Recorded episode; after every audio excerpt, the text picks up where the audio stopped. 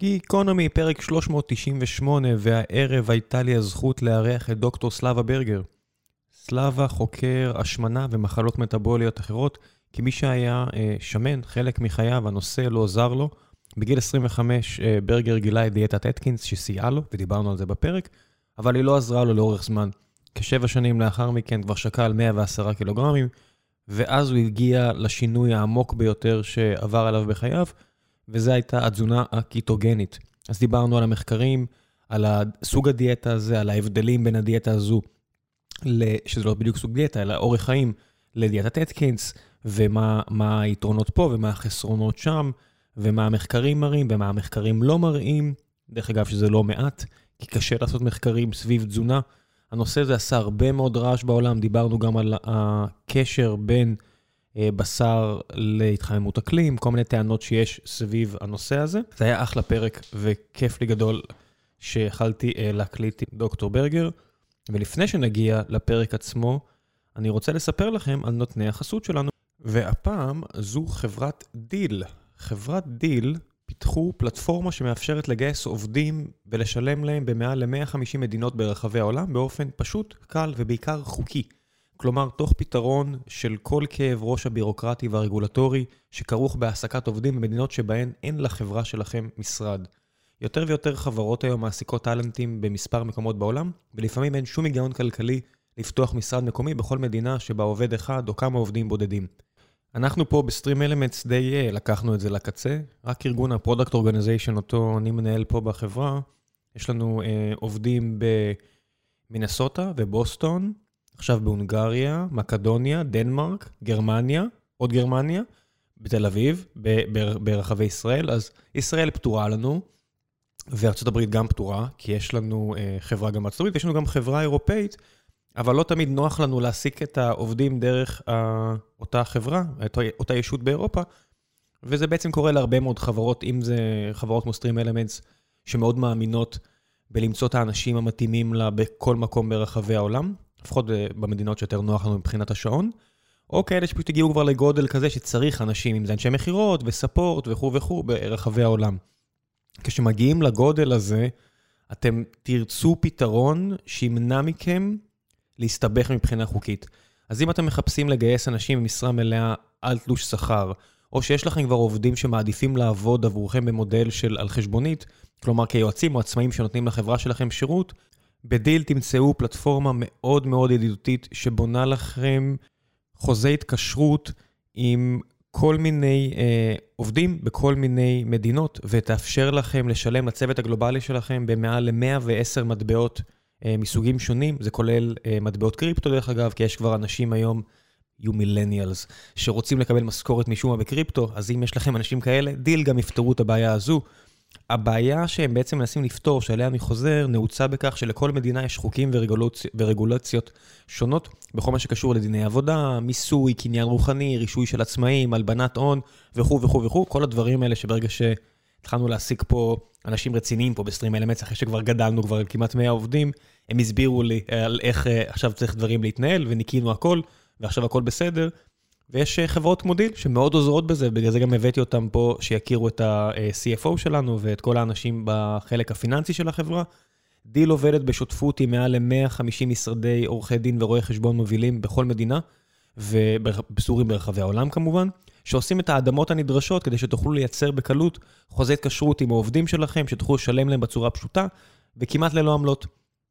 מי שמאזין אה, לחסות הזו ותוהה למה פשוט... לא לשלם למישהו בהעברה בנקאית ולקבל PDF של חשבונית, אז העבודה עם Deel מגנה על הסטארט-אפ שלכם, או אפילו חברה בוגרת, ממגוון של סיכונים משפטיים וחשיפות שאתם ועורכי הדין בארץ, כנראה שפשוט עדיין לא מכירים. כי אף אחד עדיין אה, לא אה, הביא אתכם לבית משפט במקום אה, מקומי, או שפיטרתם מישהו ואז גיליתם שהוא כבר לא עובד כמו שחשבתם שהוא עובד, אלא נכנס תחת סטטוס אחר. אל תגיעו למקומות האלה.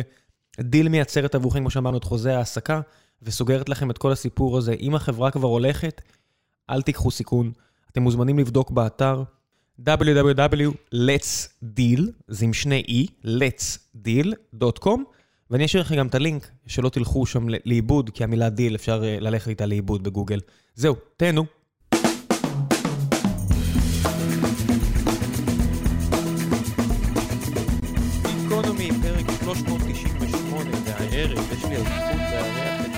ברגר. דוקטור סלאבה, מה שלומך? הכל בסדר, תודה רבה על, ה... על ההזמנה להתארח אצלך. אין שום בעיה, הרבה זמן כבר רציתי להקליט איתך, מאז שחברי הטוב, אלון בדות, סיפר לי על השינוי הגדול שעשית בחיים שלו. אה, אני מניח שזה משהו שאומרים עליך לא מעט אנשים. Uh, כן, מודה באשמה, בשנים האחרונות uh, יותר ויותר אנשים uh, משנים את החיים שלהם מקצה לקצה, כמו שאני עשיתי לפני כמה שנים, ואני נהנה להיות שם ולעזור להם. איך זה התחיל עבורך? טוב, עבורי זה התחיל באמת תהליך של הרבה שנים, מאז הילדות בעצם כל הזמן עסקתי בזה.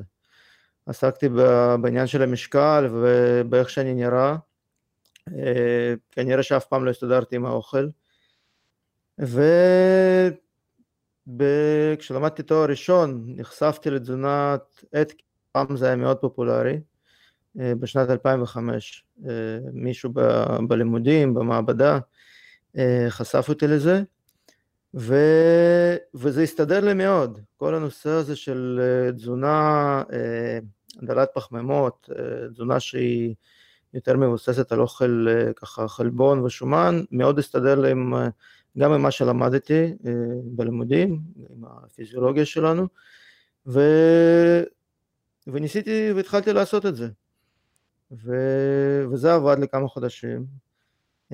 ירדתי במשקל, הרגשתי מצוין, אבל בתור סטודנט, בתור ככה איש צעיר, לא, לא ממש אה, הקפדתי, וגם אה, באותה תקופה, זה היה לפני תקופת אה, פייסבוק וקהילות וידע והבנה וכל הדברים שיש היום, אז בעצם זה הלך לאיבוד. שילבת את זה ו... בספורט או שזה היה רק דיאטה? לא, זה היה רק תזונה. וחזרתי לזה ב- לפני שבע שנים, כשבאמת כבר הגעתי למצב מאוד לא טוב מבחינת המשקל. אה, וגם, אה, וגם הבריאות כבר התחילה להיות אה, לא מאה אחוז. וזה אתה, מה שבעצם דחף אותי. אתה בשלב הזה כבר 110, 115 קילו. כן, הייתי, למרות שהייתי די פעיל, אני, יודע, אני משחק פינג פונג, טניס שולחן יש לומר, ברמה די טובה, וגם אז שיחקתי די טוב, אבל זה לא, זה לא עזר, אז פשוט עליתי במשקל בצורה מאוד משמעותית, ו... ו, ויחד עם זאת היו גם בעיות של צרבת והלחץ דם התחיל לעלות וכל מיני תופעות אה, שקשורות לבריאות מטבולית, פשוט הרגשתי לא טוב. ואז בעצם זה הדליק אצלי נורה אדומה, וככה התחלתי, ה... התחלתי לחפש מה, מה לעשות. וניסית כל מיני דיאטות, או שמיד חשבת לחזור אה, לאטקינס?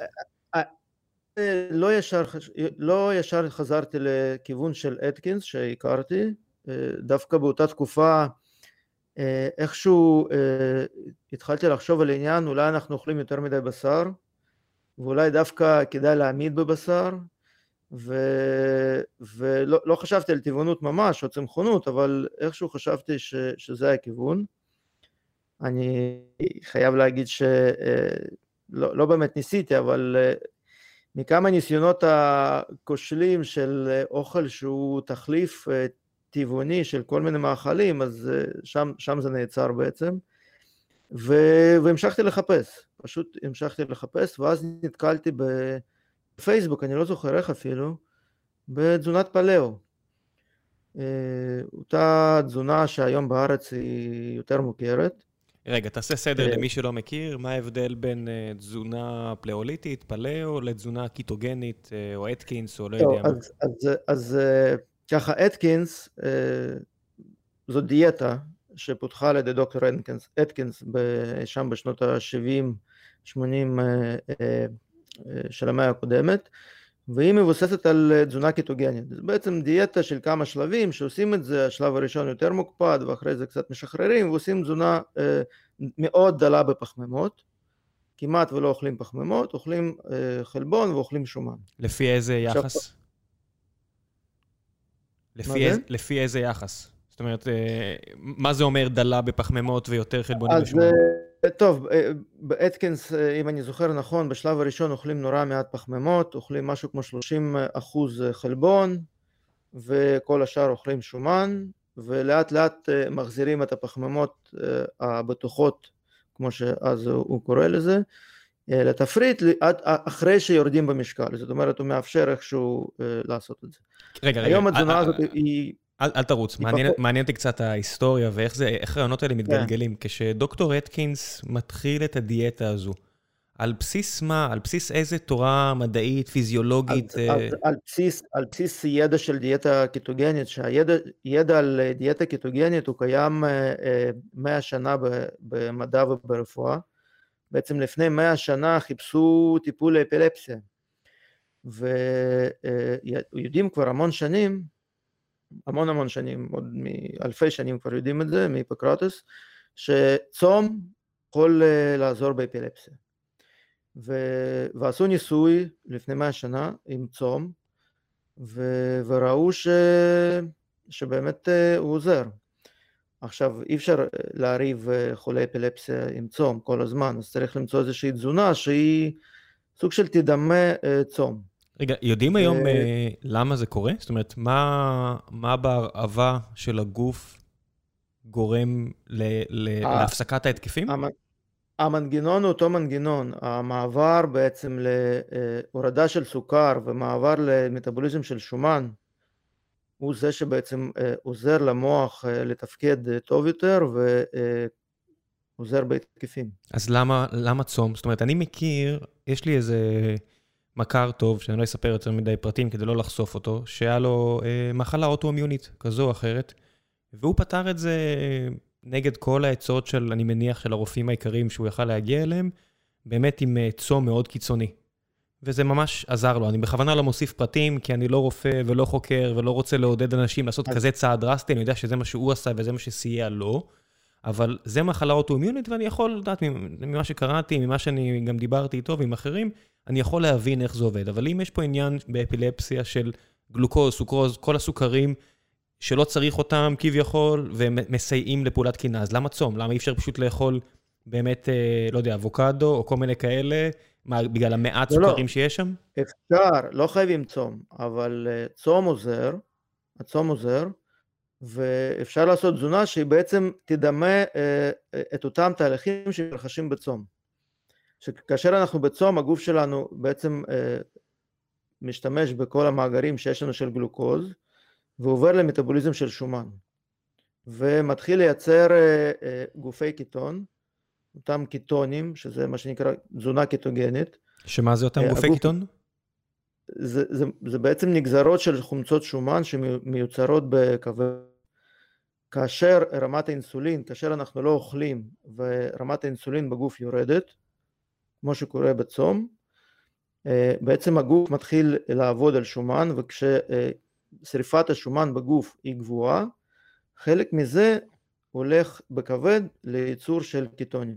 כשזה יכול להיות אפילו, ו... אתה יכול להפסיק בעצם את ייצור הקיטונים, גם אם הגוף כבר הגיע למצב של, של ייצור קיטונים, מספיק שאכלת אפילו מעט סוכר והוא כבר מיד מפסיק את התהליך הזה, נכון? מיד, ברגע שהאינסולין קופץ, באותו רגע הייצור של הקיטונים מפסיק, יכול להיות שעדיין אתה יכול ליהנות מאותם קיטונים שיצרת למשך זמן מסוים, אבל ברגע שאתה אוכל סוכר או כל דבר ש... מעלה אינסולין ברמה מספיק גבוהה, זה יעצור בעצם יצירה של קיטונים. מה הכוונה ליהנות מהקיטונים שיצרת? תראה, קיטונים, אני, אני אוהב להגדיר את המולקולה הזאת כמרכיב ההכרחי במטאבוליזם בריא ותקין של הגוף שלנו. זה משהו שאנחנו מייצרים בתור תינוקות החל מעובר ואז כשאנחנו נולדים אנחנו בעצם בקיטוזיס. איך, רגע, רגע, רגע, אתה רץ, אתה רץ, זה מרתק אותי. אה, נולד אדם, הוא מיד כן. מקבל אה, חלב אם, או תחליפים, כן. או לא משנה מה. הדברים האלה עשירים בסוכר. איך יכול להיות שהעובר והתינוק, או התינוק... אה, אז זהו, אז זהו, אז זה מאוד מעניין.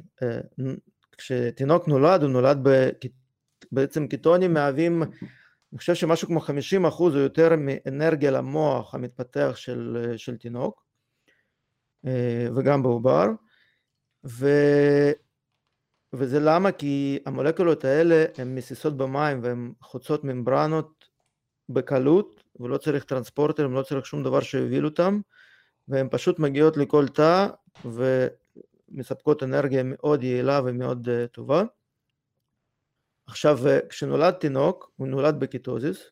עכשיו בכלל ילדים נכנסים לקיטוזיס בצורה קלה ומדהימה, אנחנו פשוט מאבדים את זה עם הגיל. כל עוד אה, התינוק יונק חלב אם, הוא נמצא בקיטוזיס, או לפחות בקיטוזיס לסירוגין. רגע, איך מסבירים את זה? אה, חלב אם מלא בסוכר. הוא מלא בשומן דווקא.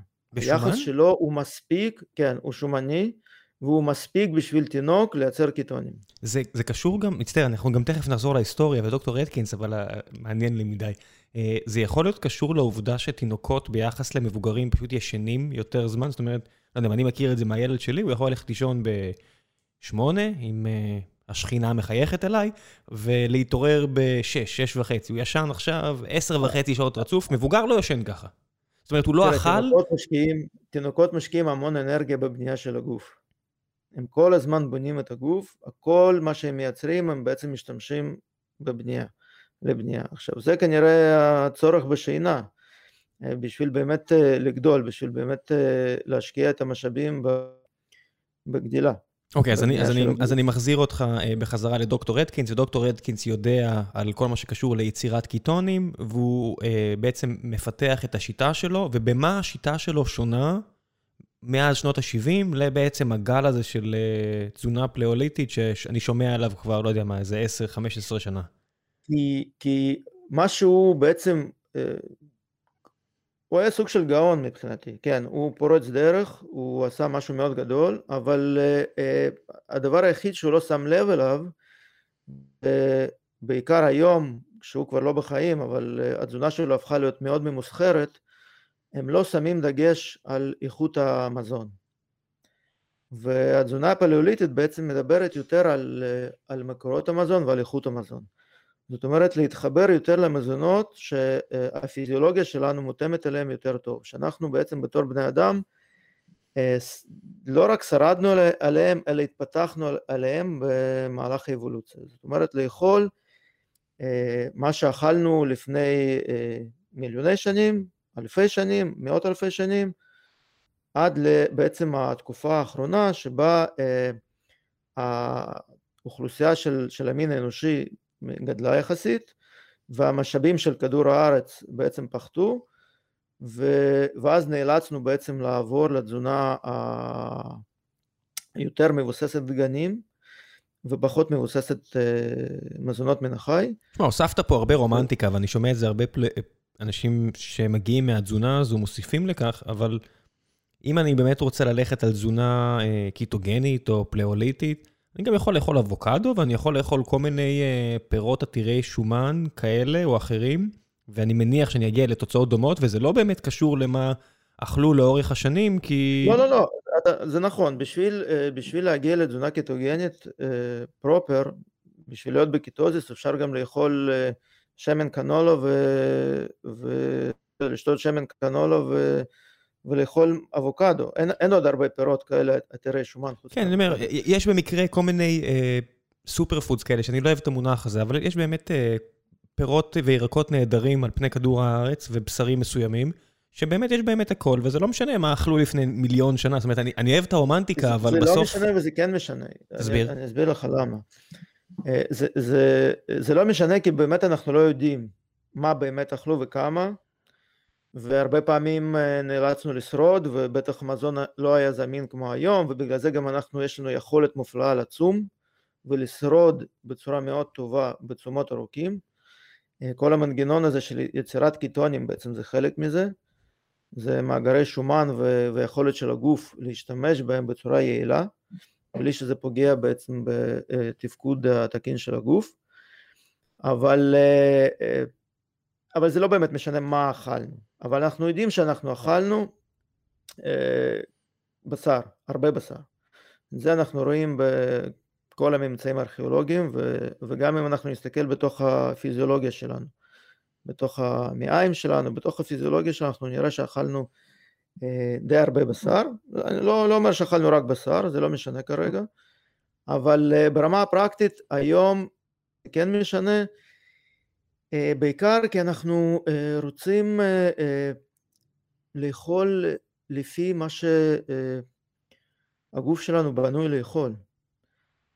ולא לפי מה שאתה יודע נראה לנו שיכול להיות בריא כי זה מכיל ויטמין כזה או אחר או חלבון צמחי כזה או אחר ואנחנו חושבים שזה זמין או לא זמין אלא באמת ללכת על מזונות שהם הכי פחות פוגעים בבריאות שלנו מבחינה פיזיולוגית כי אותו חבר שלך שפתר לעצמו מחלה אוטואימיונית אז הוא עשה את זה בעזרת צום, שזה מצוין. שוב, כביכול, כביכול, כביכול, אני ממש לא רוצה לעודד אנשים... מה זה צום? הוא לא הכניס לגוף שלו שום דבר שמזיק לו לבריאות. גם לא הכניס שום דבר שמזין אותו, כן? זה לא... הוא לא צריך ברמה כזו או אחרת, אני לא יודע כמה צום הוא עשה. זהו, אני בכוונה, אני יודע, אני בכוונה לא רוצה להוסיף פרטים, אני אמרתי, מי שרוצה שילך ויקרא על דברים לא, דומים, אני פשוט לא רוצה לעודד אנשים לעשות דברים קיצוניים. לא, לא, לא צריך לעשות צומות ארוכים, אני לא מעודד בכלל לעשות צומות ארוכים, אני חושב שזה... הוא פשוט גם בן אדם מאוד קשוח, לא- וזה באמת לא כולם כאלה. אבל מה שפתר אצלו אה, את העניין הזה, אני לא יודע אם זה פתר לגמרי כל הזמן, או שהוא חזר לאכול רגיל, זה אני לא יודע, אבל... מה שפתר אצלו אה, את העניין הזה זה באמת אה, אה, גם זה שהוא לא הכניס שום דבר שמזיק לו לגוף וזה טיפל לו כנראה גם באוכלוסייה של חיידקי המעיים עם הזמן בעצם אותם חיידקים שכנראה עשו לו בלאגן במעי. כנראה האוכלוסייה השתנתה. אבל מה שאני מנסה להגיד זה שאפשר לפתור מחלות אוטואימיוניות גם בעזרת תזונה לא חייבים לצום כשאנחנו אה, מורידים את כל אותם מזונות אה, עתירי סוכר, אבל לא רק עתירי סוכר, בדרך כלל אה, מזונות שהם באים ממקור צמחי, אפשר, ואני יודע את זה ממקור ראשון של אנשים שאני עובד איתם, אפשר לשפר וממש לרפא סימפטומים של מחלות אוטואימיוניות בצורה מאוד יעילה. תגיד דוקטור, לא יכול להיות סיטואציה שבה עוד 50 או עוד 100 שנה יסתכלו על שיחות כמו שאנחנו עושים עכשיו ויגידו, כמו, שנה, כמו שאנשים דיברו על אתר בסוף המאה ה-19, כל מיני יסודות פיזיקליים כאלה שלא לא קיימים היום, בהבנה, אני רק אגיד לך, אה, במובן של כל בן אדם הוא, הוא לא זהה לאחר. זאת אומרת, אתה אומר אנחנו, אתה מדבר כמקשה אחת, אבל אנחנו יודעים הרי שיש כל מיני סוגים של בני אדם. יש אנשים שמעלים משקל נורא מהר מסוג מסוים. יש אנשים שמורידים אה, משקל נורא מהר, יש אנשים שמגיבים טוב לאוכל כזה, ויש אנשים שמגיבים פחות טוב לאוכל אחר. אתה, אתה כל השיחה בינתיים מדבר באנחנו, האם זה באמת אנחנו?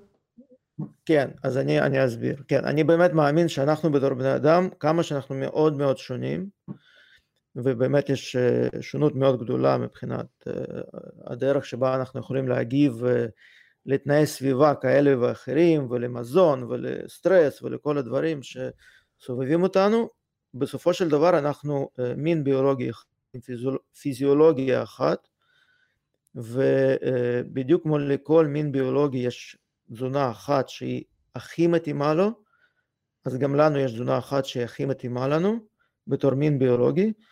עכשיו זה לא אומר שאנחנו לא יכולים לשרוד בצורה טובה כזו או אחרת על תזונה שהיא לא הכי אופטימלית לנו, זה מה שאנחנו עושים בכמה מאות שנים האחרונות לפחות, או אפילו אלפי שנים האחרונות, אבל אה, זה כל הנושא של השונות בינינו, אני אוהב להגדיר את זה כמשהו שהיכולת שלך לסטות מהאופטימום. זאת אומרת, אה, הבן אדם שכמו אה, שאתה אומר, הוא הופך להיות חולה ומשמין ו...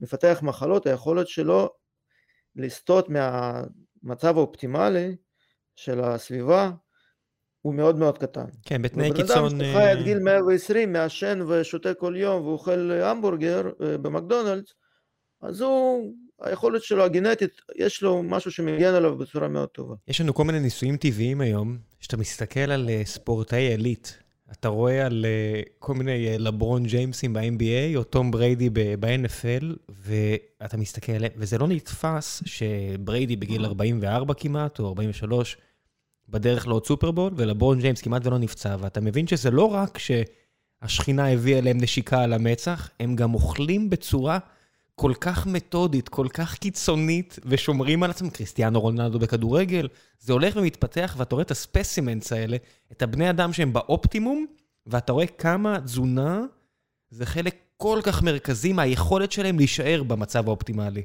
התזונה בכלל, לטוב ולרע, בעיניי משחקת, לדעתי אפילו משהו כמו 90 אחוז מה, אה,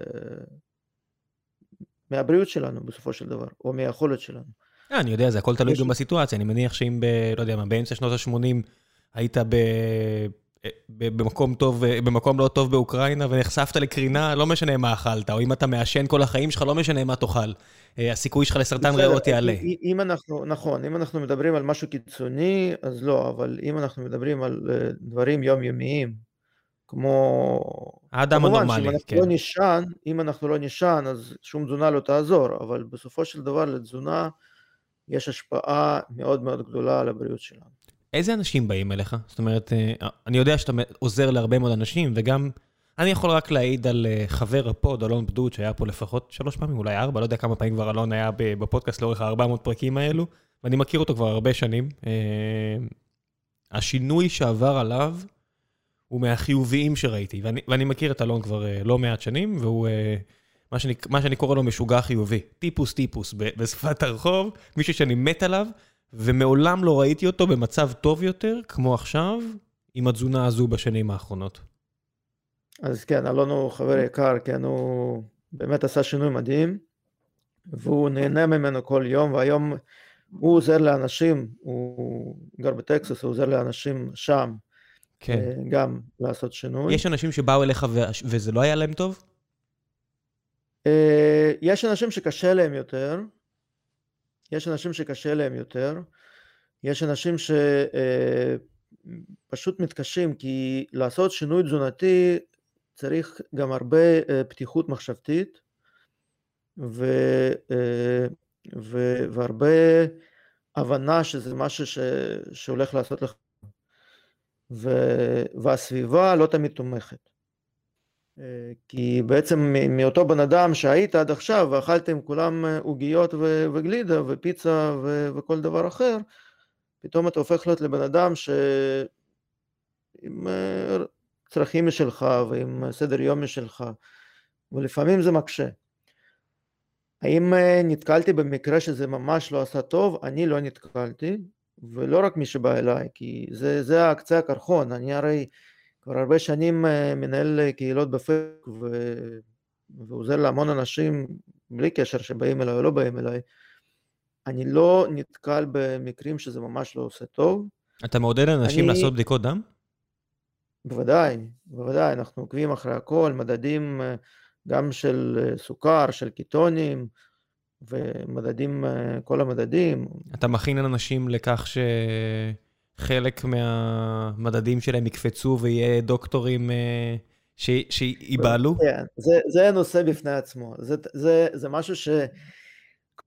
מנסה לא להכין אותם לזה, אה, כי לא לכולם זה קופץ, אה, זה לא משהו שהוא מחייב. אגב, הדבר היחיד שיכול לקפוץ זה כולסטרול. כן.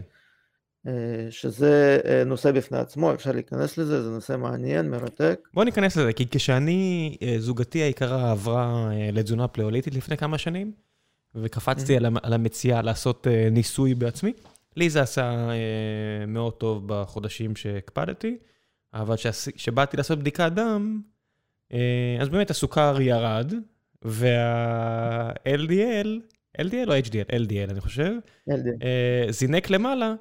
והדוקטור היה דוקטור מלומד, או הדוקטורית ליתר דיוק, והיא אמרה לי, אה, טוב, אבל הסוכר שלך נמוך, אז עברת לאיזה תזונה עתירה שומן? אמרתי, כן. היא אמרה, יופי, טוב, זה נראה טוב. המשך בדרכך, כן. אז באמת זכית אה, ברופאה שהיא אה, כנראה גם למדה באמת מה שצריכים ללמוד, וידעה להגיד לך את זה, כי זה באמת צפוי שזה יקרה. בבדיקות לא דם זה, זה חורג, זה חורג מהנורמה וזה באדום. אצלי לפחות זה, זה היה ככה. זה חורג מהנורמה, וזה צפוי שזה יקרה, וזה טוב שזה קורה. חכה שנייה, חכה שנייה. אוקיי, וחזרנו, מצטער, היה אה, אזעקה, כי אני מקליט פה אה, מאוחר בלילה. כן. טוב, אז, אה, אז אני אומר, היינו בזה שכולסטרול צפוי שיעלה, כשאנחנו עוברים לתזונה שהיא עתירת שומן. למה הוא צפוי שיעלה? כי הגוף שלנו מתחיל בעצם להשתמש בשומן יותר, בעצם עובר למטאבוליזם של שומן, הוא שורף שומן, אה, התאים של, אה, של כל האיברים שלנו בגוף, הרקמות שלנו בגוף משתמשים ביותר שומן, וצריך משהו שיסיע את השומן הזה אה, אל התאים ויקח את זה מהתאים לכבד, ו, וזה בעצם מה שעושה כולסטרול. אוקיי, אז בדרך כלל אנחנו רואים עלייה בכולסטרול וזה משהו שהוא צפוי, וזה גם משהו שהאמת היום יותר ויותר רופאים וקרדיולוגים בעולם מבינים שזה גם רצוי. זה חלק מהריפוי של התסמונת המטבולית. מה זה התסמונת, מה זה התסמונת המטבולית? תסמונת מטבולית זה משהו שהיום, אתה יודע, אה, אה, אני אגדיר את זה, זה, זה, זה אוסף של סימפטומים אה, שבעצם מראה שהבריאות המטבולית שלנו לא תקינה. זה בעצם חמישה סימפטומים, שזה יתר לחץ דם, סוכר גבוה בצום, אה, זה היקף מותניים גבוה, אה, זה HDL נמוך מ-40, או... והמדד האחרון, שברח לי עכשיו, אבל זה, זה חמישה סימפטומים, ששלושה מתוכם מגדירים את ה... התסמונת המטבולית, אבל באופן כללי מספיק אחד מהם כדי שבעצם יגיד לנו שהבריאות המטבולית שלנו כבר לא תקינה. ואיך okay? זה אוקיי? משפיע, זאת אומרת, כל מה שאמרת עכשיו זה, זה מצבים פיזיולוגיים. איך אם יש לי ככה צמיגי אהבה מסביב למותניים, על מה זה משפיע? אז אה, אה, טוב, זה, זה כבר עניין של, אה, אתה יכול להיות, אתה יודע, השמנה זה איזשהו סימפטום של עודף אה, אנרגיה בגוף. ולפעמים יכול להיות אה, הסימפטום הזה אה, לא בהכרח אומר שאתה, שיש איזושהי בעיה בריאותית. זה פשוט אומר שצרכתי יותר קלוריות מאשר ששרפתי לאורך זמן, לא? באופן כללי זה אומר שהגוף שלך אגר אנרגיה, וזה בסדר. היכולת שלנו לאגור אנרגיה ולאגור שומן במקומות שאנחנו אמורים לאגור שומן, זו תופעה טבעית, פיזיולוגית ואף בריאה. במיוחד אצל נשים, אבל גם אצל גברים אין, אין בעיה עם זה, אה, כל עוד זה באמת נאגר לא בכמויות גדולות מאוד ורק במקומות שזה מיועד להם, שזה בעצם מתחת לאור. אין, אין, אה, אני, כן, אני קורא לא מעט מחקרים, יש כל מיני אנשים שטוענים לקורולציה בין סוגי סרטן מסוימים להשמנה וכל מיני בהחלט. כאלה. בהחלט, יש קורלציות, אבל כמו כל... לא קוזליטי, uh, אמרתי קורוליישן, לא קוזליטי, שוב, אל, אל תקפצו בדיוק, עליי. כן. בדיוק, כמו כל, כל קורלציה היא מראה בעצם על מגמה, אבל היא לא מראה על, uh, uh, בהכרח על סיבה. וזה אומר שאצל אותם אנשים שיש להם השמנה מטאבולית, שזו השמנה שהיא מעבר לאגירת שומן מתחת לאור, אלא השמנה תוך בטנית, השמנה מסביב לאיברים, ההצטברות של שומן בכבד מסביב ללבלב, אה, מסביב למעיים, אה, בעצם גם בלב, אז אצל אותם אנשים הקורלציה תהיה גבוהה מאוד, והסיבה לכך היא גם לא אה, ההשמנה עצמה, אלא אפשר ללכת לשורש הבעיה שזו אותה תסמונת מטבולית ואותה תנגודת לאינסולין, בעצם שהגוף כבר לא יודע להגיב להורמון אינסולין, שזה הורמון של אנרגיה, של אגירת אנרגיה, אה, שעוזר לנו לאגור אנרגיה, הגוף לא יודע להגיב אליו כמו שצריך, ו, ומשם מתחילות בעצם כל הבעיות שהיום. בעצם אה, זאת המגיפה האמיתית, שאתה יודע, אנחנו מקליטים את זה במגיפת הקורונה, אבל מגיפת הקורונה, אני מאמין שלפני כמה מאות, ש... כמה, אה, אולי אפילו אלפי שנים, לא הייתה בכלל מזיזה לאדם הקדמון, אתה יודע, הולך אחורה קצת, כמו שהיא היום בעצם אה, פוגעת בהמון אנשים, וזה לא סתם שהקורלציה, וזה, וזה כבר לא קורלציה, כבר ממש מוצאים מנגנונים שאנשים עם אה, אותה תסמונת מטאבולית נפגעים הרבה יותר. כן, רגע, רק נשים דברים על דיוקם. אה, יש באמת, רואים, יש ממש ממצאים שאנשים עם בעיות השמנה, יש להם, יש הסתברות גבוהה יותר לסיבוכים מקורונה. בדיוק. זה הכל, זה לא, שאין אנשים רז... זה לא שאין אנשים רזים שמתו מקורונה. יש, נכון, נכון. נכון. כן, כן, צריך לשים אה, דברים על דיוקם. זה בדיוק העניין. זה עניין של הסתברויות. זה לא סתם השמנה, זה, זה, זה, זה, זה בעיות מטאבוליות.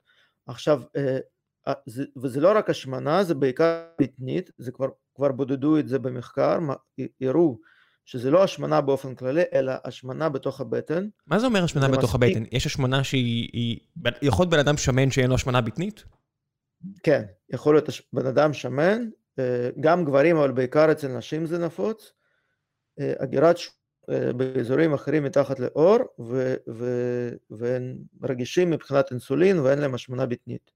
איך זה עובד? זאת אומרת, לפי מה זה מתחלק? זה גנטי? זה, זה סתם מקרי? טוב, זה, זה, זה, זה, זה, זה לא מקרי, זה, אתה יודע, זו שאלה של מיליון דולר, אבל uh, כנראה יש גם מרכיבים גנטיים. זה בעצם, uh, ברגע שהרקמת השומן שלך מפסיקה, uh, בעצם היכולת שהגעת לסף של הגירת שומן תקינה, בגלל שרקמת שומן שלך, מה שנקרא, קורסת מבחינת התפקוד שלה, היא לא מתפקדת כמו שצריך, זה יכול להיות משהו דלקתי למשל, אה, ואז הגוף מתחיל לאגור אנרגיה במקומות שלא אמור לאגור, וזה אה, בתוך הבטן. אה, עכשיו... אני לא מבין, בשאר המקומות זה בסדר? אם יש לי, לא יודע מה, ידיים שמנות, פנים שמנות, רגליים שמנות, זה בסדר? זה יכול להיות בסדר גמור, כן. מבחינה בריאותית זה יכול להיות בסדר גמור ואפילו, בריא, כן. באמת? כן. לא, כן, עדיף, לא... לא עדיף תמיד בריאותית להיות רזה? לא, לא תמיד. לא צריך להיות מאוד מאוד עם עודף משקל, אבל זה לא אומר שאתה חייב להיות חטוב בשביל אה, להיות בריא. ומצד שני, זה שאתה רזה זה לא אומר שאתה בריא, הרבה אנשים... לא, זה בטוח, נו כן, אנחנו יודעים ש... הרבה אנשים... כן. שיש הרבה סכרתיים למשל שהם רזים מאוד, כי הגוף שלהם פשוט אין לו יכולת לאגור שומן, ובצורה תקינה, ואז הם מתחילים לאגור אותו באיברים, ואז עד שהגוף קורס וכל ה... מסלול שאינסולין קורס והם מפתחים סכרת. כן, לא רוצה, יודע, יש, יש כל מיני סוגי uh, מחלות סרטן למיניהם, שאחד התסמינים זה עיבוד משקל נורא מהיר. Uh, סרטן המעי הגס למשל זה תסמין שלו לעניות דעתי, וכל מיני כאלה, אז כן, זה לא שאנשים רזים uh, הם בהכרח בריאים, וזה לא שזה אז, עיבוד אז, משקל לא יכול להיות... אני לא, לא אוהב כן. להשתמש במילת השמנה עם uh, uh, מחלה מטאבולית, אבל יש קורלציה, אבל זה לא תמיד הולך ביחד. תגיד, לפני שאנחנו ממשיכים... אחד אחד הדברים אה, שנחשפתי לזה דווקא אה, על בשרי, כש, כשעשיתי מחקר באיטליה, ושם עשינו מחקר מאוד מעניין על, על נשים עם אה, מחלה מטבולית מאוד מאוד קשה, ליפודיסטרופיה. זו מחלה שבארץ כמעט לא מכירים אותה כי היא מאוד מאוד נדירה ואני לא בטוח שיש אולי יש חולים בודדים בארץ, לא, לא בטוח כל כך, באיטליה שהיא מדינה יותר גדולה, אז יש שם כמה עשרות חולים, והייתי במרכז מאוד גדול למחקר של זה. עשרות חולים על 60 מיליון איטלקים? 70 ומשהו, כן. ויש שם כמה עשרות אה, חולים כאלה, כן. אז, אז מה זה מחקר מאוד גדול? לקחתם עשרה כאלה? סלח לי על השאלה. לקחנו משהו כמו כמעט 20, אני חושב סך הכל. אוקיי, ומה זה המחלה הזו? למה זה מעניין לחקור את זה? זאת מחלה של אה, היעלמות אה, של אה, רקמת שומן. בעצם אנשים האלה אין להם רקמת שומן. עכשיו זה יכול להיות מכל מיני גורמים, גנטיים, אוטואימיונים, יש, יש באמת כמה וכמה גורמים. רגע, איך הם שורדים? ו... המוח צריך את זה, לא? המוח צריך רקמות שומן, לא? אז הם, הם שורדים, הם שורדים, הם שורדים לא כל כך טוב. ויש כמה רמות, יכולה להיות אה, היעלמות של פגיעה אה, כללית ברקמת שומן, של הכי קשים, או חלקית. ובכל מקרה, גם כשיש אה, פגיעה חלקית ברקמת שומן, המצב המטאבולי שלהם מאוד מאוד קשה. והם בעצם מאוד דומים, ואפילו בצורה חמורה יותר, לאנשים מאוד מאוד שמינים, עם מחלות מטאבוליות. עם סכרת, עם, עם כל המחלות המטאבוליות הקשות. ולמרות שאין להם אה, רקמת שומן. אוקיי, אז, אז איזה, אומרת, מה עלה מה המחקר? מה ניסיתם לבדוק במחקר על, על אותם אנשים? אז על אותם אנשים, השאלה ששאלנו זה איך אה, בעצם, אה, אה, הבק... איך, מה, מה תהיה הבקרה על מערכת החיסון אצל אותם אנשים? זאת אה, הייתה אוכלוסייה של נשים. בעצם אה, נשים עם אה, אה, מחלה אה, ליפודיסטרופיה, נשים בריאות, ונשים עם השמנה מאוד מאוד אה, חמורה, עם... אה, עם אה, סכרת ודום נשימה בשינה, באמת אה, אה, מצב קשה. וראינו שגם כשאין לך רקמת שומן מסיבה פתולוגית, וגם שיש לך המון רקמת שומן מסיבה פתולוגית, בשני המקרים יש לך בעצם פגיעה מאוד חמורה בתפקוד של מערכת החיסון ובעיקר על בקרה של מערכת החיסון. בעצם הבקרה של מערכת החיסון נפגעת וגם התפקוד של תאי, תאי, תאי דם לבנים נפגע מאוד. אז מה חקרתם? זה בעצם היה מחקר, לראות את ה... בעצם מה, מה קורה, איך, איך רקמת שומן, או איך היעלמות של רקמת שומן, או רקמת שומן, משפיע על על uh, uh, תפקוד של מערכת החיסון והבקרה של מערכת החיסון. צריך להבין, זה מחקר שהוא נעשה על אוכלוסייה שבאמת עד אז לא נחקר, זה לא משהו ש, שנעשה, ו, והצלחנו להראות את זה.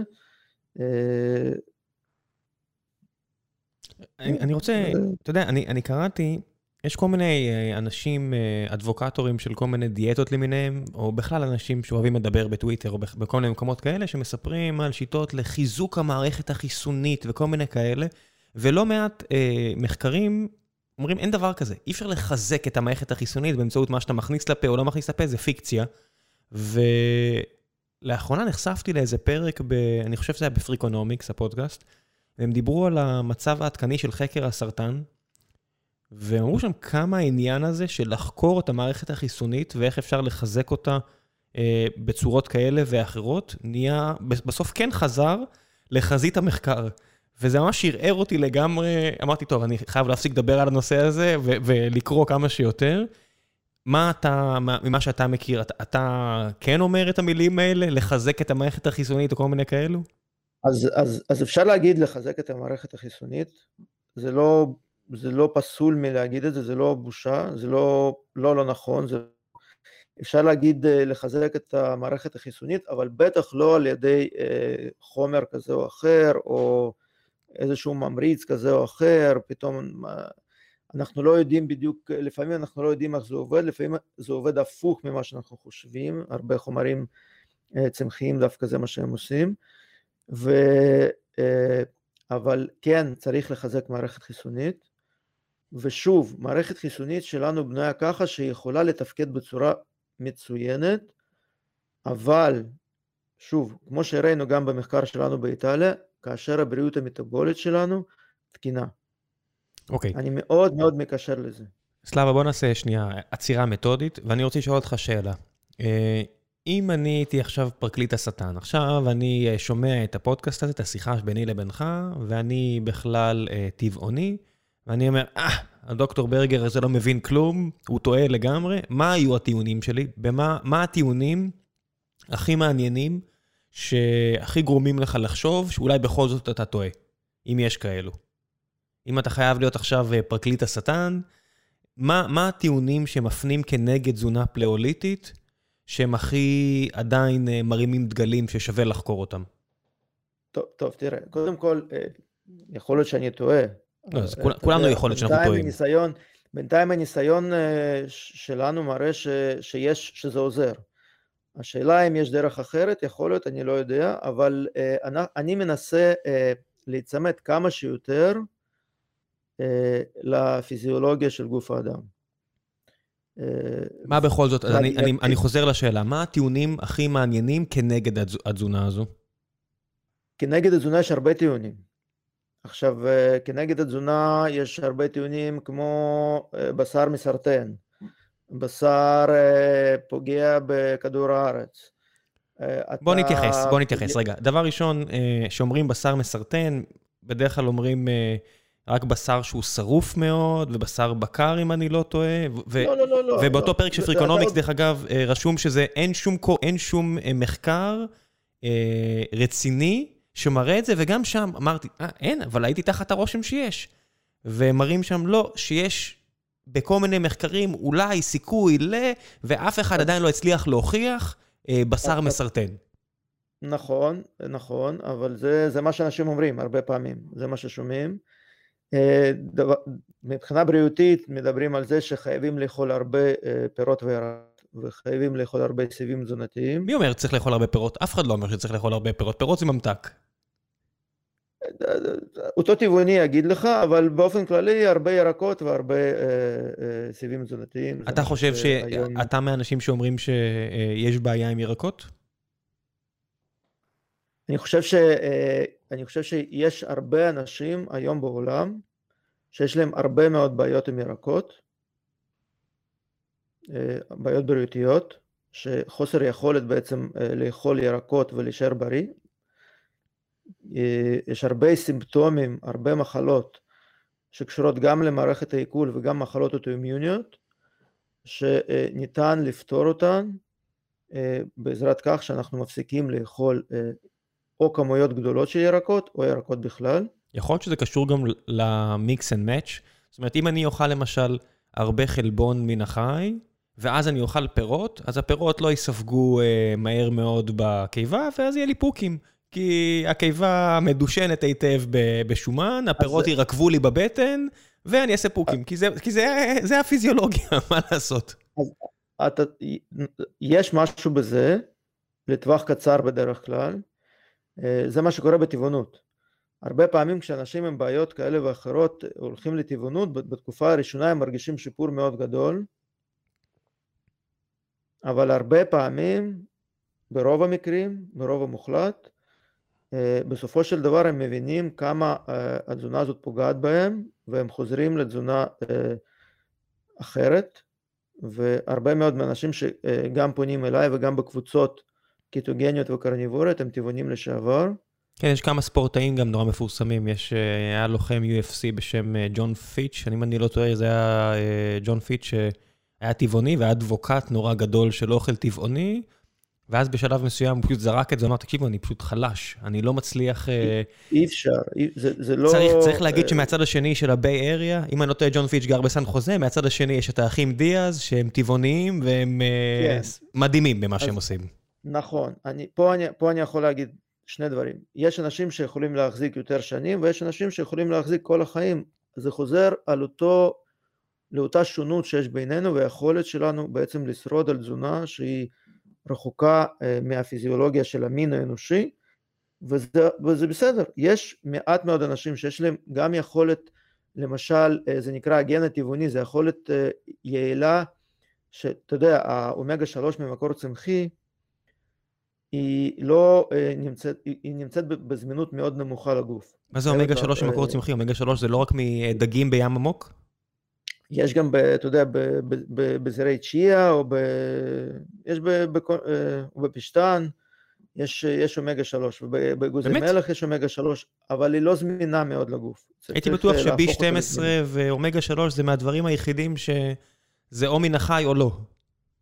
נכון, אבל יש גם בצמחי, אבל זה לא בדיוק אומגה 3, צריך להפוך את זה לאומגה 3 הפעילה. אוקיי, מה זה אומר להפוך את זה? הגוף שלנו. הגוף שלנו צריך לעשות איזושהי פעולה אנזימטית, פעולה כימית, ולהפוך אותה, יש חלבון, אנזים שעושה את זה. ויש את זה לכולם? אז אה, לא, יש את זה אצל כולם בצורה, ברמה כזאת שזה כמעט ולא הופך, אני לא, לא בטוח אם יש את זה אצל כולם, אבל יש אנשים שיש להם מה שנקרא הגן הטבעוני, יכולת הרבה יותר טובה לעשות את זה. מה שאתה אומר עכשיו זה, זה, זה ממופה גנטית? זאת אומרת, אנשים יודעים ממש לזהות כן, את ה... כן, היה מחקר, היה מחקר, עשו מחקר וקראו לזה באמת הגן הטבעוני. זה ממש גן ספציפי? זה לא איזה קומבינציה של גנים? גן אחד ספציפי? אם אני זוכר נכון, אל תתפוס אותי במילה, אבל אני זוכר שדיברנו על זה בקבוצות, שלחנו מחקר, קראנו את זה, זה היה לפני כמה שנים. וואלה. יש אנשים שיש להם יכולת יותר טובה לקחת לאכול אגוז מלח וליהנות מאומגה 3. מדהים. אבל זה, זה, אותם אנשים כנראה ישרדו טוב יותר על תזונה טבעונית, כי הם יכולים לספק לגוף שלהם יותר אה, חומרים חיוניים ש, ש, ש, ש, שהגוף בעצם צריך. מה לגבי תזונה יודע, אה, קרניבורית? אני שומע עכשיו על כל מיני אנשים, אה, בעיקר בארצות הברית, שחיים רק מבשר.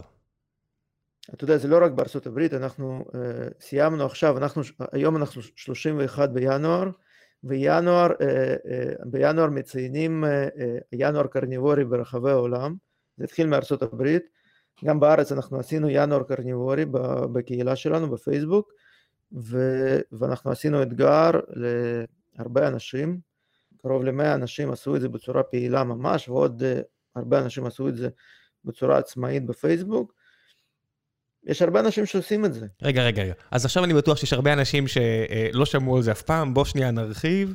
תזונה קרניבורית בעצם מבוססת על כמעט 100% בשר.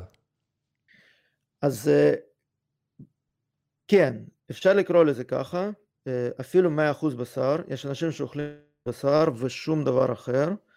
יש אנשים שמה שנקרא animal based diet, בעצם תזונה מבוססת על מזון מן החי, שזו תזונה שהיא לרוב, הרוב המוחלט שלה זה בשר ועם קצת מזון צמחי מסביב.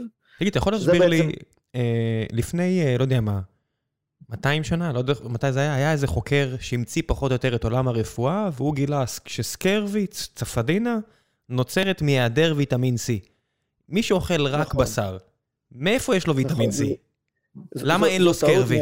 זו טעות מאוד מאוד נפוצה uh, בעולם הרפואה היום, וזו איזושהי תפיסה שגויה לגבי uh, צפדינה, שעשו uh, תצפית על ימאים שבעצם אכלו שום דבר חוץ מאולי, אני לא בטוח שהם בכלל לא אכלו uh, שום דבר צמחי, אבל הם אכלו בשר עקוב, ובעצם uh, חטפו uh, צפדינה, ובאמת אפשר לשפר צפדינה בעזרת ויטמין C, אבל, אבל היום אנחנו יודעים שצפדינה זה לא, זאת לא מחלה של מחסור בוויטמין C. לא, זה לא בעיה של מחסור בוויטמין C, ויטמין C פשוט עוזר מאוד לצפדינה. בסדר. כן. אם אני אפתח צפדינה, אולי אני גם אה, אבקש טיפול בוויטמין C, אבל עדיין לא ראיתי אף קרניבור במשך שנים ועשרות שנים שעושים תזונה קרניבורית שפיתח צפדינה. אתה יודע, אה, בשנות ה-20 היה אה, חוקר, בעצם חוקר ארצ, ארצות, הוא היה מגלה ארצות כזה, קוראים לו סטפנסון. הוא חי הרבה שנים עם מינואיטים בצפון, אתה יודע, באלסקה אני חושב, באזור קנדה, אני לא זוכר בדיוק איפה, והוא ראה שהם אוכלים רק בשר, רק מזון מן החי, רוב השנה הם אוכלים רק מזון מן החי, אז עוד לא, העולם הערבי לא נכנס לשם כמו היום, ו... והוא אכל איתם ביחד. ואחרי שהוא חזר לארצות הברית, הוא ועוד uh, חבר שלו נכנסו לבית חולים למשך שנה שלמה, לניסוי מבוקר, ואכלו בשר בלבד. ובמשך שנה עקבו אחריהם, אחרי כל המדדים ואחרי כל הבדיקות אה, והכל, ושנה שלמה הם היו בריאים לגמרי. זאת אומרת, אין שום ויטמין או מינרל שמגיע מ... מירקות או פירות אז, שאנחנו צריכים אותו ממש? אז, אז, אה, אז פה זה מאוד מעניין, כי לא רק שאין או יש, אה, במזון מן החי יש אה, את כל מה שהגוף שלנו צריך, כל החומרים החיוניים, כל המולקולות החיוניות, שזה חומצות שומן חיוניות, חומצות אמינו חיוניות, אה, מינרלים, ויטמינים, כל המולקולות החיוניות בעצם יש במזון מן החי, ולא רק שיש במזון מן החי, הן גם זמינות הרבה יותר. זה משנה בגוף. איזה מזון מן החי? זאת אומרת, זה משנה אם זה פרה שאכלה רק תירס, או פרה שאכלה אה, דשא, אז, כאילו גראס פד לעומת קורן פד? ו... אז, אה, אז, אז אתה, אתה הולך ישר לכיוון מאוד מאוד כזה, זה, זה משנה מאוד מה אתה אוכל. אה, מאוד מומלץ לאכול אה, מה שנקרא היום בעולם מאף עד לזנב, בעצם לאכול את כל חלקי הפרה, אתה יודע, אה, מה שאני אוהב מאוד בתזונה שלנו, פלאוליטית, הקיטוגנית, הקרניבורית, לא משנה איך תקרא לזה, שאנחנו בניגוד לאנשים ככה ש, שאוכלים בשר מדי פעם, אנחנו אוכלים את כל, ה, את כל החיה, בדרך כלל אנשים אוכלים את כל החלקים, גם הפחות פופולריים וגם אה, וגם אה, מבשלים אה, כל מיני עצמות ואוכלים איברי פנים ושומן וכל מה שיש בחיה, מנצלים את זה במקסימום. זה טוב מבחינה תזונתית כי כל איבר וכל נתח וכל סוג רקמה בבעל חיים בעצם עשיר בנוטריאנטים שונים, אוקיי? וזה גם טוב לסביבה כי אנחנו בעצם אין בזבוז של אוכל. זה כולל מה? אני מניח שציפורניים אתה לא אוכל, כי זה לא נקניקיות ביד אליהו, אה, אז לא צריך, כאילו מה, מוח, עיניים, מה... עיניים פחות, אה, למרות שזה בריא, יש, יש גם ויטמינים בעיניים, אבל עיניים פחות. אבל מוח, כן, כל דבר בעצם שניתן לאכול אנחנו אוכלים, כל, כל דבר שמגיע מבית מטבחיים לחנות בשר אפשר לאכול ואנחנו... אני, אני חייב לשאול, איפה קונים את כל הדברים האלו? זנב מוכרים אצל כל אטליז? כן, אז קודם כל כן, בכל אטליז טוב יש כמעט את כל האיברים האלה, את כל הדברים, בעצם אפשר לקנות הכל. הרבה פעמים פשוט לא קונים את זה. אני לא יודע מה עושים, אבל uh, אני יודע שבהרבה מקרים לא קונים את זה. אני מניח שזה הופך להיות אוכל לכלבים, אני יודע. מה זה? אני מניח שזה הופך להיות אוכל לכלבים.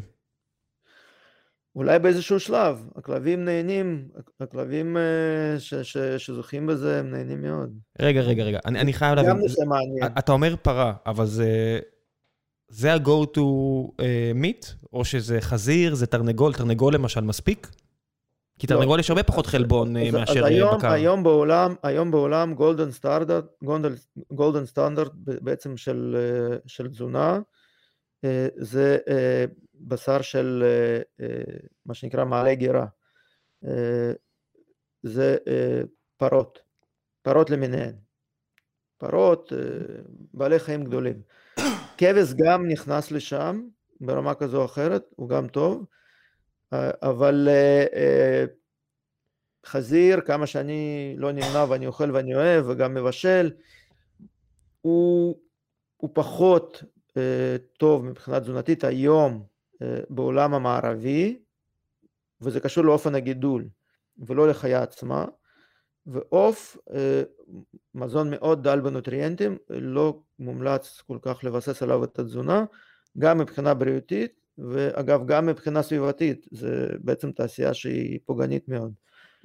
אה, בקר לעומת זאת, זאת אה, אה, גם מבחינה בריאותית, מזון הכי עשיר, הכי עתיר בנוטריאנטים, הכי בריא בעצם לגוף האדם, וגם מבחינה סביבתית, אם מגדלים את זה כמו שצריך, זה רק עוזר לכדור הארץ. יש פער בין קרניבור, תכף נגיע למה שאמרת עכשיו, ובדותי לא, לא יסלח לי אם אני לא אעלה את הנושא הזה, אבל יש פער בין החבר'ה בטקסס או קליפורניה שיכולים לאכול אוכל ציד ולהתבסס רק על זה, לעומת חבר'ה שזה תעשיית הבשר, זאת אומרת פרות שהן חיות מבויתות, לעומת חבר'ה שאוכלים אוכל ציד, שזה האוכל שלהם, שיש כבר יותר ויותר כאלה בארצות הברית, מ...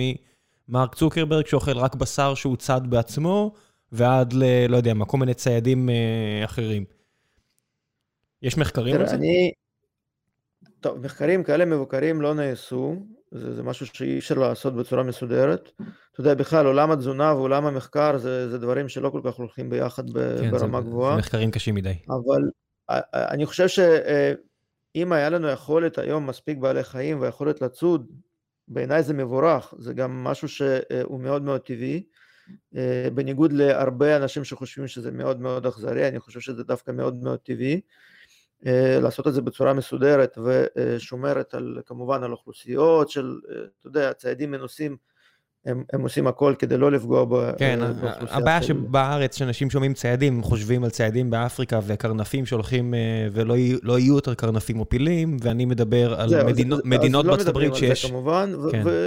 ואתה יודע, לא חייבים לצוד. מי שחי, ב, מי שחי ב, באזור שיש לו גישה לציד, וזה אה, מותר בחוק, כי זה משהו ש... באמת שומר על... מה זה יש גישה? יש מדינות כמו upstate ניו יורק שחייבים אה, לצוד, כי מה לעשות, האיילים שם מתרבים בטירוף ויש להם Lyme אה, disease וכל מיני מחלות אחרות, שלא לדבר על טקסס עם חזירי בר וכל מיני מקומות כאלה, שמוציאים את ה dog, את ה tags כאילו כדי שאתה יכול לצוד, כי צריך to control the population, אין מה לעשות. והכסף שאתה קונה את הרישיונות הציד הולך בעצם לאנשים שאחרי זה גם שומרים. על, על, על הטבע. זה המוסד שטדי רוזוולט התחיל לפני 100 שנה, ועד היום זה מהדברים היותר מפוארים שיש בארצות הברית מהבחינה הזו. אז יש את זה גם בעולם, לא רק, אה, יש את זה גם אה, באיטליה, יש הרבה ציד של חזירי בר, ו, וגם פה בארץ, אה, בשטחים חקלאיים, צריך לצוד לפעמים חזירי בר, כי... אין מה לעשות, הם מתרבים והם פוגעים בחקלאות. כן, פה במרץ, באפריל, אה, היה מלא תמונות של אה, אנשים בחיפה שצילמו אה, חזירי בר על המעגלי תנועה. אז זה, זה, זה סיפור אחר, שזה בעיניי מאוד יפה, הם פוגעים כן. קצת ב... גרתי בחיפה, אז אה, ראיתי את זה במו עיניי, כן, זה מאוד מעניין. טוב, בוא נדבר קצת על, על הפיל שבחדר. יש את העניין הסביבתי, שהרבה אנשים מעלים את הטיעון שתעשיית הבשר היא מהמזהמים הגדולים שיש היום אה, על פני כדור הארץ, ומשבר האקלים, וכל הנושאים האלו. אה, שוב, אני אמרתי, בדות לא יסלח לי אם אני לא אעלה את זה, אז הנה אני מעלה את זה. מה כן, קורה עם זה? זו שאלה מצוינת, כי באמת זה הטיעון אה, בעצם אה, אה, כמעט האחרון שמעלים בדרך כלל. אחרי שמדברים על הבריאות ועל הפיזיולוגיה ואיך זה עוזר במחלות, ואז אומרים, אבל זה פוגע בכדור הארץ, וזה באמת משהו שצריך אה, אה, לתת עליו דגש, כי יש גם פה הרבה תפיסות שגויות. אתה יודע, אני אתחיל באיזושהי אה, כזה הלצה, בדיחה כזאת, שבתחילת הקורונה, כשכל העולם היה בלוקדאון, פורסמו תמונות של זיהום אוויר בעולם. והייתה ירידה מאוד משמעותית בזיהום האוויר. בעצם כל זיהום האוויר ירד בצורה כמעט לחלוטין, בגלל שכל העולם היה בסוג של לוקדאון כזה או אחר. ו- ואנחנו צחקנו בתוך הקהילה שלנו, הרצנו צחוק שהפרות בעצם הפסיקו להפליץ. אתה יודע, כי תמיד מאשימים אותם, ואז פתאום הכל ירד, כל הזיהום נעלם. עכשיו, אם ככה נדבר על זה ברצינות, אז אה, אתה יודע, אה, כש, כשבודקים את זה לעומק ומסתכלים עד כמה אה, תעשייה של הבקר פוגעת בזיהום של כדור הארץ, בפליטה של גזי חממה, מגיעים למשהו כמו אולי 4% מסך כל המזהמים שיש בעולם. הרבה פחות מכל תעשייה אחרת, אה, הרבה פחות מכלי רכב והרבה פחות מכל דבר אחר. כן, אתה אומר הרבה פחות מכלי רכב, אבל יש המון המון אה, כלי תחבורה, מסירות, מאוניות ענק ומשאיות שמובילות את הבשר הזה ממקום למקום. זה נכון, את זה אני מאוד לא מעודד. אה, זה, פה אני מסכים. זאת אומרת, מבחינת התעשייה, תעשייה של הובלות, תעשייה של אה, אה, חלב, שהיא אה, הפכה להיות מאוד בעייתית בעיניי, תעשייה של עופות, שהיא מאוד בזבזנית ומאוד בעייתית וגם בעצם אנחנו צריכים גם הרבה מאוד גידולים חקלאיים בשביל עופות למשל, בשביל שיאכלו. זאת אומרת, אנחנו פוגעים בקרקע אחת בכך שאנחנו מגדלים שם אה, סויה ואז אנחנו צריכים להכיל אה, עופות וזה גם תעשייה מזהמת. התעשיות האלה הן בעייתיות, יש, זה לא, לא, לא משהו שאפשר אה, ככה להתכחש לזה, אבל דווקא גידול של בקר לצורך בשר זאת אחת התעשיות הפחות בעייתיות כי היום רוב החיים של כל פרה כל עגל, כל עגלה לשחיטה לבשר, רוב החיים היא מבלה במרעה. לא משנה אה, בעצם אה, איפה ואיך בסופו של דבר היא, היא, היא, היא מסיימת את החיים שלה, אם זה במכלאה או במרעה, אבל היא, הפרות אה, אה, בעצם ממליטות במרעה והגלים מסתובבים במרעה הרבה חודשים, ואז תקופה מסוימת הם אה, נמצאים באיזושהי מכלאה, שהם אוכלים יותר טוב אה, בשביל לעלות במשקל, ואז אה, בעצם השחיטה. התעשייה הזאת היא אה, ידידותית אה, גם לבעלי חיים, כי היום אי אפשר לגדל בעלי חיים, אי אפשר לגדל פרות בצורה פוגענית אה, וליהנות מבשר איכותי ומשויש, מה שכולם אוהבים היום, אתה חייב לטפח אותם, והיא גם לא כזאת בזבזנית כמו שנהוג לחשוב.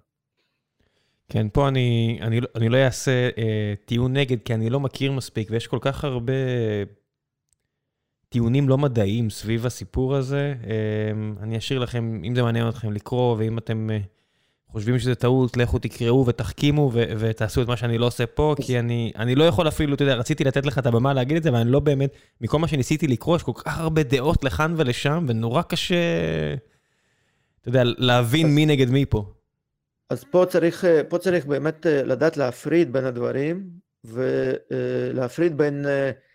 בין גידול של בעלי חיים בצורה, אה, מה שנקרא, אה, אה, יותר אפילו מסורתית ופחות תעשייתית מבחינת כדור הארץ, זה, זה הרבה יותר טוב. אתה יודע, יש היום בשטחי מרעה שנקרא ממשק ראייה.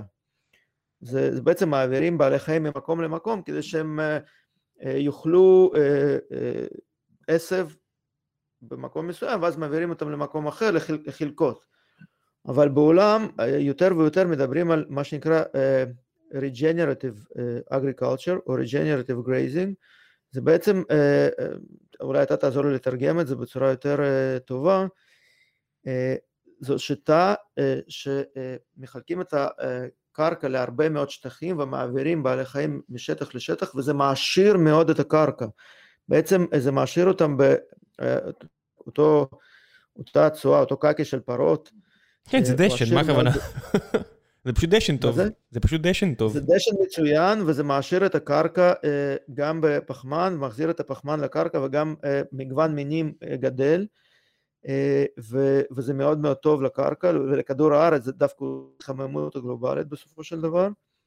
כי הרבה פעמים מה שגורם להתחממות הגלובלית יותר זה אותם גידולים, מה שנקרא מונוקרופ, אה, אה, חד, חד זניים, אותם גידולים חד זניים כמו ששדה של חיטה, שדה של סויה, שדה של תירס, שזה בסופו של דבר גורם להתייבשות ולאפקט החממה ו, אה, וגם פוגע מאוד בבעלי חיים. אתה יודע, גם מבחינה מוסרית אני מעדיף לאכול פרה אחת בשנה ולדעת שבשביל שאני אוכל צלחת אורז לא הרגו בשדה המון בעלי חיים ו, וגם מי, ש, מי שבעצם כתב את האורז הזה עשה את זה בסוג של עבדות או ניצול, שזה מה שקורה בעולם.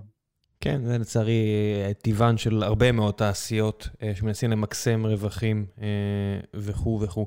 נכון. תגיד לי, יש ספורטאים על דיאטה קרניבורית? זאת אומרת, אני מניח שאותו תום בריידי, אותו אה, לברון ג'יימס, יש בסוף שכבה קומונלית בין כל הדיאטות. ואני תמיד אומרים את זה, שאנשים אומרים לי, תראה, עברתי לטבעונאות והורדתי הרבה משקל ואני נראה הרבה טוב, עברתי לקרניבורי ואני נראה הרבה טוב. אני אומר, יש איזשהו משהו משותף לכולן, שזה, התחלת לשים לב מה אתה שם בפה, הפסקת לאכול ממתקים, הפסקת לאכול בלילה, הפסקת אה, לאכול יותר מדי, התחלת לעשות טיפה ספורט כנראה, התחלת לישון יותר טוב, בום, כולם נראים יותר טוב, כולם מרגישים יותר טוב. יש לי הרגשה כזאת שאתה יודע, נלחמים בין הדיאטות השונות, שאני אומר, אפשר להסכים על משהו שכולם מסכימים שממתקים זה לא טוב ועדיף להפסיק עם זה. אז, אז, אז כן, אז זהו. אז, אז לגבי הספורטאים, אתה יודע, בעולם יש הרבה ספורטאים שעושים תזונה קטוגנית, או כזו או אחרת אה, שהיא דלה בפחמימות. אני חושב שגם אה, נבחרת רוגבי בניו זילנד, אני חושב שזה מאוד מפורסם, שהם... שהם אה, לא יודע אם זכו בגביע העולם, או כמעט זכו, או שאני מקווה שאני לא טועה פה. אחת מהנבחרות היותר טובות נקראים ה-all blacks, ש... כן. שהם באמת אתלטי על. ויש יש, למשל פרופסור ל, לרפואת ספורט מאוד מפורסם בדרום אפריקה, שהוא כבר בן אדם מאוד מבוגר, וזה סיפור, אגדה, שהוא מקדם את התזונה הזאת שם, ושומעים ממנו ששם זה, זה הפך להיות מאוד מאוד נפוץ. בארץ אני לא מכיר ספורטאי סלב כל כך, אבל אני מכיר המון אנשים שספורטאים מהשורה הראשונה עושים ספורט, אה, אה, איש ברזל, מרתון, כושר אה, פיזי, כל דבר, ואתה יודע, כש, כשבן אדם נמצא במטאבוליזם של שומן, בעצם, אתה יודע, בסופ, בסופו של דבר בכל פעילות אה, אינטנסיבית, לא משנה מה אתה אוכל, בכל פעילות אינטנסיבית ממושכת, הגוף הופך אה, לשרוף שומן בשלב כזה או אחר. וכאשר הגוף שלך כבר מותאם לשומן, הוא נמצא במטאבוליזם של שומן מלכתחילה, אתה אה, בעצם יכול לשרוף שומן בקצב הרבה יותר גבוה ויעיל יותר. ו, וסתם אני אתן לך דוגמה, אותו, שני אנשים רצים מרתון, אחד שאוכל פחמימות ישתה ג'לים ויאכל תמרים מדי פעם וקיטוגני יכול לעשות את זה בצום מלא ובלי להרגיש שום בעיה כי הגוף שלו נהנה מאספקה מתמדת של אנרגיה, מרקמת שומן בלי שום עצורות, בלי שום בעיה. טוב, לפני שנגיע לשלב השאלות מן הקהל, אני רוצה להכניס פה את דבר המפרסם. היי, hey, חברים, לפני שנחזור לש... לפרק המעולה הזה עם דוקטור סלאבה ברגר ולשלב השאלות מן הקהל, אני רוצה לספר לכם על נותני החסות שלנו, והפעם זו חברת דיל. חברת דיל פיתחה פלטפורמה שמאפשרת לגייס עובדים ולשלם להם במעל ל-150 מדינות ברחבי העולם, באופן פשוט, קל ובעיקר חוקי, תוך כדי פתרון של כל כאב הראש הבירוקרטי והרגולטורי שכרוך בהעסקת עובדים במדינות שאין לחברה שלכם משרד מקומי.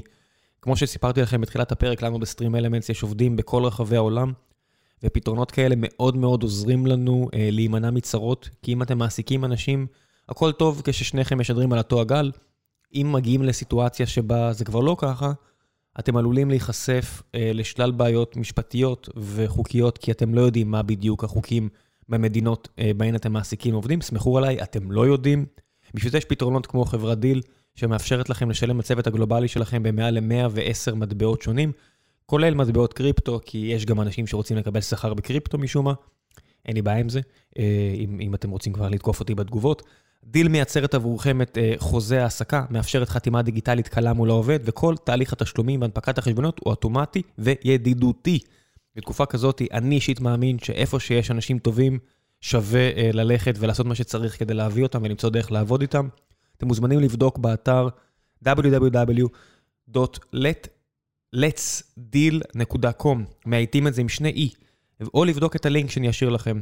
וזהו, עכשיו בחזרה לפרק, תהנו. וחזרנו, שלב השאלות מן הקהל, פורום החיים עצמם של גיקונומי אה, בפייסבוק, מי שרוצה, אני תמיד מפרסם את זהות האורח הבא. אה, חיכו לך פה מלא מלא שאלות, אנחנו לא נוכל להגיע להכל, אבל בוא נשאל לפחות אה, חלק.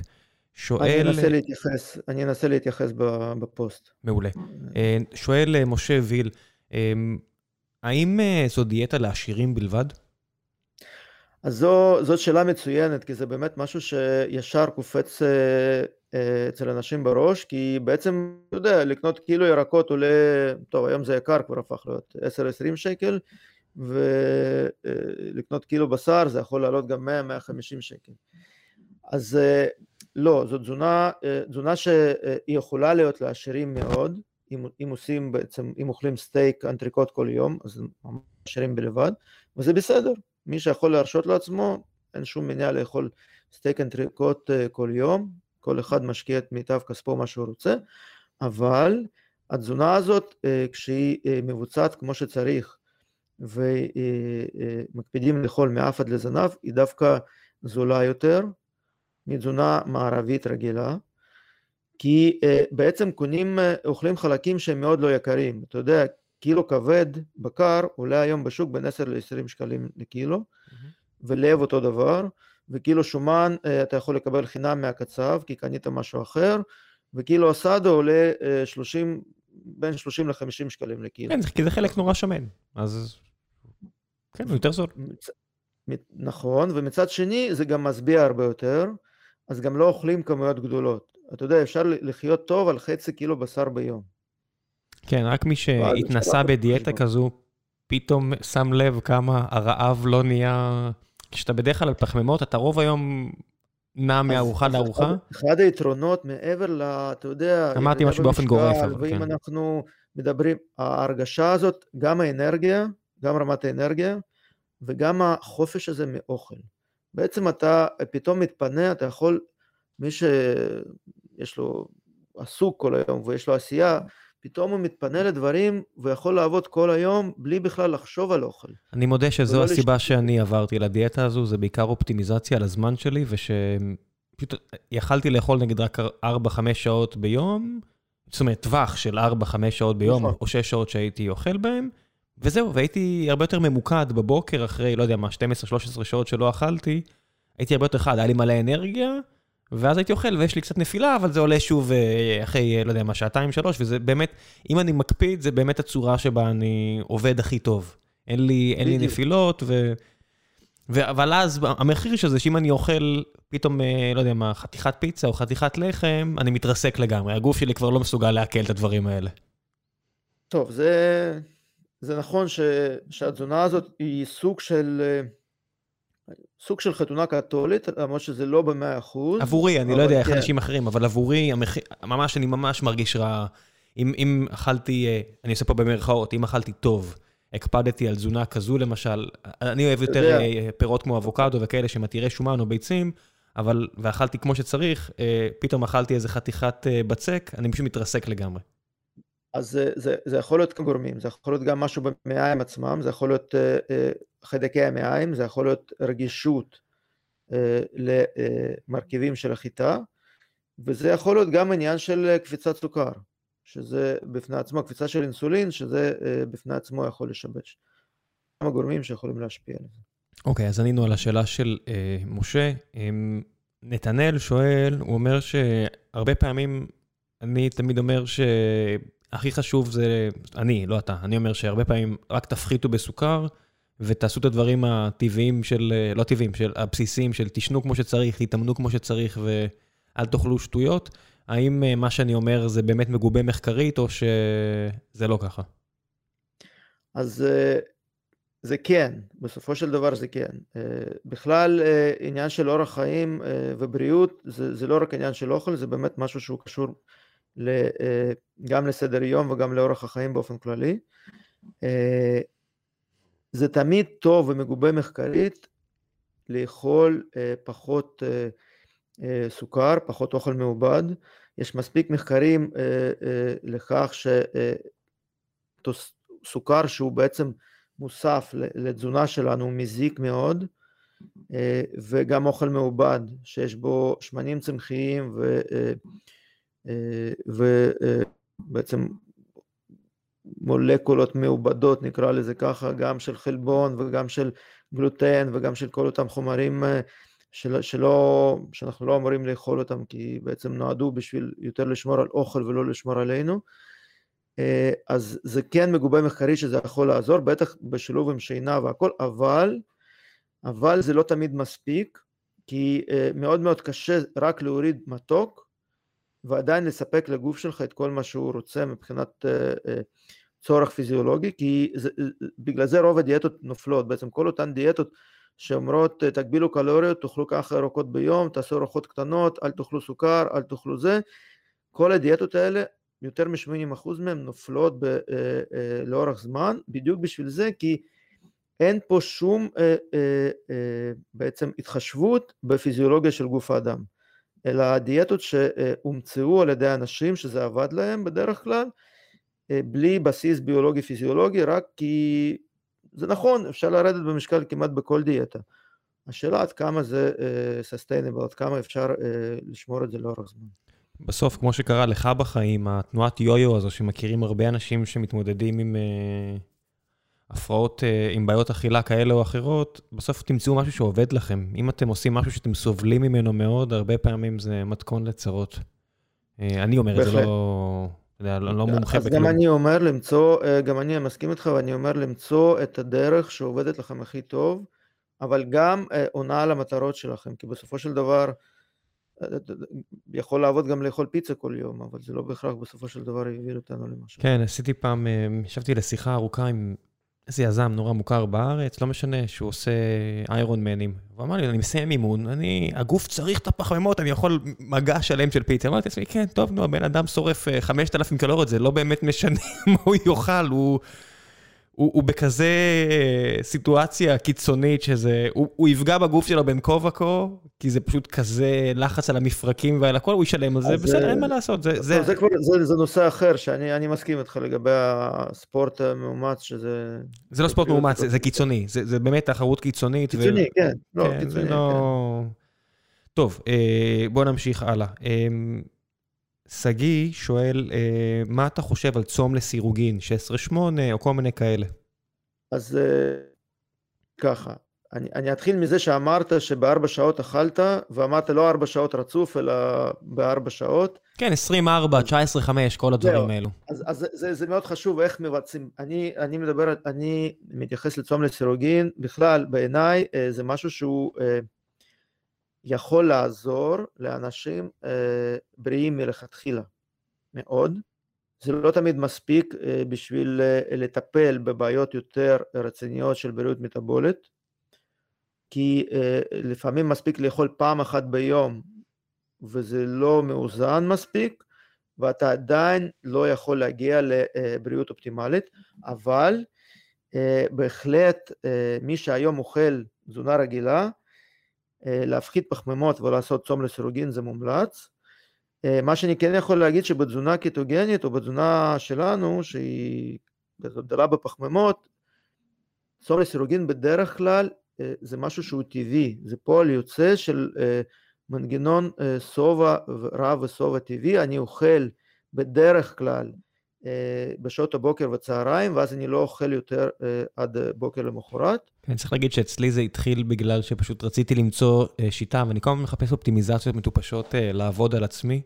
אז אני אגיד לך שניים, אחת שקשורה לתזונה, אז פשוט עשיתי את ה-16-8, אז התחלתי עם זה לפני, לא יודע מה, שנתיים שנה, כדי לא לאכול בלילה. כי לא רציתי לאכול שטויות בלילה, שאני... אתה יודע, כשאתה עייף יותר, יש את כל הניסויים האלה על ego depletion וכל מיני כאלה שכבר הוכיחו שזה לא כזה נכון, אבל איפשהו אני כן מוצא את זה עליי לפחות. הרבה יותר קל לי לשלוח יד ולחטוף שטות כשאני עייף מאוד או אחרי יום ארוך, אז אם אני עושה 16-8 ואני רוצה להקפיד על זה, ויש לי את האקסל שלי שאני רושם כבר 15 שנה כל יום את, השטו... את הדברים שאני עוקב אחריהם, אז הרבה יותר קל לי לסמן וי כשאני עובד באיזושהי, באיזושהי שיטה סדורה. והדבר השני, העצה שלי לעשות טריק לעצמי בתקופה כזאת של זום וגוגל מיט כל היום, אני פשוט, אני מחבר את הקונסולה למחשב, ואז אני לא יכול לסטות לעשות דברים אחרים, כי כולם ישמעו אותי. אז הנה, אני כל הזמן מחפש דרכים לעבוד על עצמי, להכריח את עצמי להיות בסדר. אז הנה שתי שיטות שלי אז, לפחות. אז אני, אז אני מסכים איתך שמבחינת מש, משמעת זה יכול לעזור, להחליט שלא אוכלים בערב ועושים צום לסירוגין, אבל מאוד מאוד חשוב לאכול כך שבאמת אותה החלטה אה, לצום תחזיק מעמד, כי אם אנחנו לא אוכלים טוב ואנחנו רעבים או לא מספקים לגוף כל מה שהוא צריך, זה אה, בעצם ייכשל עם הזמן, זה ייפול. כן, שום דיאטה שלא עושה לך טוב, כן. פסיכולוגית אפילו לא, לא תעבוד. אמ, מה, מה, נתנאל שואל, מה אתה חושב על Day 2? טוב, זה נושא מעניין מאוד. אני חושב שצריך להפריד פה בין כמה דברים. אה, המחקר הבסיסי שנעשה בוויצמן אה, על חיידקי המעיים ועד כמה הם אה, בעצם שונים ויכולת שלנו בעצם לאכול ומושפעת ולהגיב מבחינת תגובה אינסולינית וסוכר מושפעת מחיידקי המעיים זה מחקר מאוד יפה, אם כי היום אה, יותר ויותר מבינים שאנחנו לא באמת יודעים על חיידקי המעיים כמו שחשבנו שאנחנו יודעים לפני כמה שנים, כשהמחקר הזה פרץ, אני, אפשר, אפשר להרחיב על זה. אה, אני חושב שעל די טו בסופו של דבר אה, זאת עוד דרך לעזור לאנשים לטפל בבעיות מטבוליות.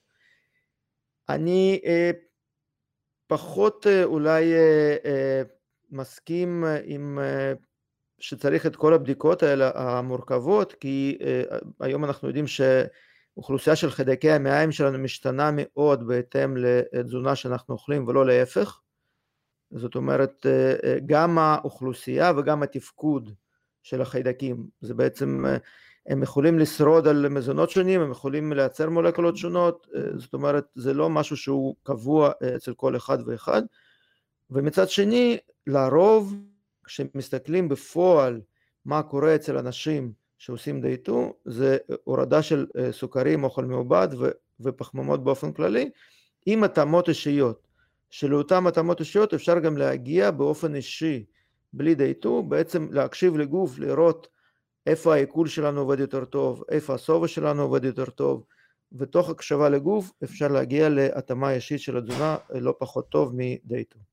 רחל אה, שואלת, על מי אתה ממליץ לליווי מקצועי של דיאטה קיטוגנית? היא אומרת, אני מניחה שהרבה שומעים ירצו לנסות אחרי הפרק, ונראה לי שזה מסוג הדברים שעדיף לנסות עם מישהו מקצועי. האם זה באמת מסוג הדברים שצריך מישהו שילווה אותך? אז, אה, אז קודם כל, אני, אה, אני לא ממליץ ישר לקפוץ למלווה כזה או אחר. דווקא גילוי נאות, אני כן עוזר לאנשים, אבל אני לא ממליץ ישר לבוא ולחפש ליווי, אלא אה, לעשות אה, מחקר עצמי. בסופו של דבר, מה שהרבה פעמים זה להיכנס לקבוצות פייסבוק, לקרוא, לקרוא מאמרים, לקרוא מניסיון של אחרים ולהתחיל. זה בסך הכל מדובר על תזונה שהיא בריאה לגוף, היא אינטואיטיבית מאוד, וכשלומדים וכשקוראים על זה יותר, אז גם מבינים את העקרונות וזה לא מסובך בכלל.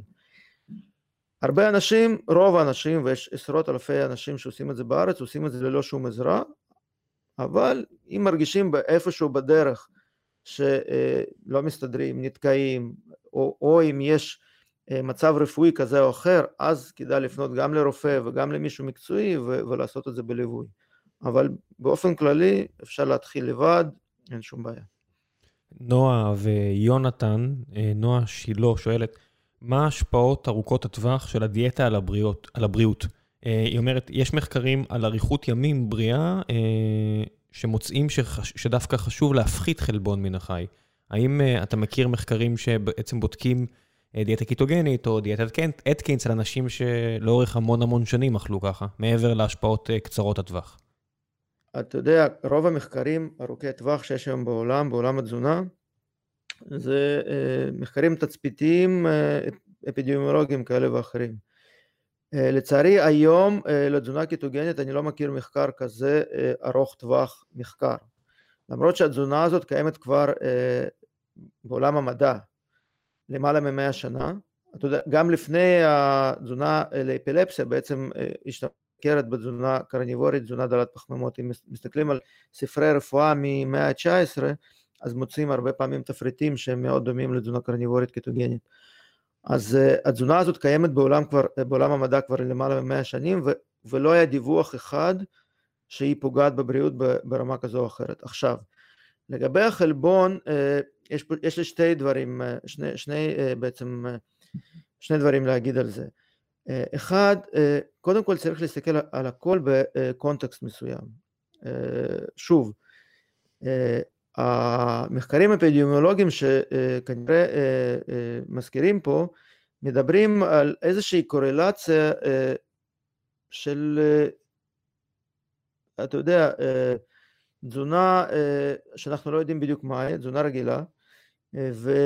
וצריכה של חלבון שגם היום אנחנו, האם אתה יכול להגיד כמה חלבון אכלת לפני חצי שנה? וזה בעצם רוב המחקרים האפידמיולוגיים מבוססים על שאלונים שאנחנו לא באמת יכולים לדעת. אתה יודע, בעולם האפידמיולוגי, בעולם התזונה, יש מושג שנקרא healthy user bias או unhealthy user bias, זאת אומרת אותם אנשים, bias של אותם משתתפים במחקר שהם או שהם בריאים יותר או שהם בריאים פחות. וזה אומר שאם ההמלצות התזונה שלנו לצרוך פחות חלבון מן החי, אז בדרך כלל אנשים שצורכים פחות חלבון מן החי הם היו יותר מודעים לבריאות כי הם יותר מקשיבים להמלצות התזונה. ו- ולהפך. אז להסתכל על המחקרים האלה כסיבה ותוצאה זה משהו שלא הייתי עושה ולא הייתי ממליץ. מצד שני אנחנו יודעים שדווקא אה, אה, ממחקרים אה, עולה ש, שצריכה של חלבון מן החי בגיל מבוגר היא עוזרת יותר גם לבריאות השריר וגם לבריאות העצם. עכשיו, מעבר לזה, אם אנחנו כבר נכנסים יותר לפרטים של תזונה קטוגנית, כשאנחנו נמצאים בתזונה קטוגנית ושורפים שומן לעצם, הגוף פחות משתמש במאגרי החלבון ופחות פוגע ברקמת השריר. אז מכל, ה, מכל זה אני יכול להגיד ככה, בתזונה הזאת לא אוכלים הרבה חלבון, התזונה הזאת היא לא עתירה בחלבון בכל מקרה, והחלבון שאנחנו אוכלים הוא לא מתבזבז, אלא הולך למקומות שהוא צריך להיות בהם, לבנייה של שריר, של עצם ולתפקוד התקין של הגוף. יש פה הרבה מאוד, למשל כמו דניאל צופי, ששואלים, אה, מחקרים מראים שבאופן חד משמעי, שדיאטה קיטוגנית היא לא קסם. מדובר בסופו של דבר בגירעון קלורי שלילי. אפשר גם לעלות איתה במשקל. אז מה כן היתרון שלה? זאת אומרת, האם... אה, אז, כן, יש פה קביעה כלשהי אני, ש... אני בתור, בתור אה, ככה חוקר באקדמיה לשעבר, ואני יכול להגיד ששום מחקר לא מראה שום דבר באופן חד משמעי, ובטח לא בעולם התזונה, ו... ומקסימום ש, שמחקר יכול לעשות זה אולי לשלול דברים, אה, אבל בטח לא לעלות באופן, אה, לעלות באופן חד משמעי. אה, שום תזונה היא לא קסם. ולגבי גירעון קלורי, תראו, כל הנושא הזה של קלוריות הוא, בעיניי הוא חסר משמעות, בסופו של דבר.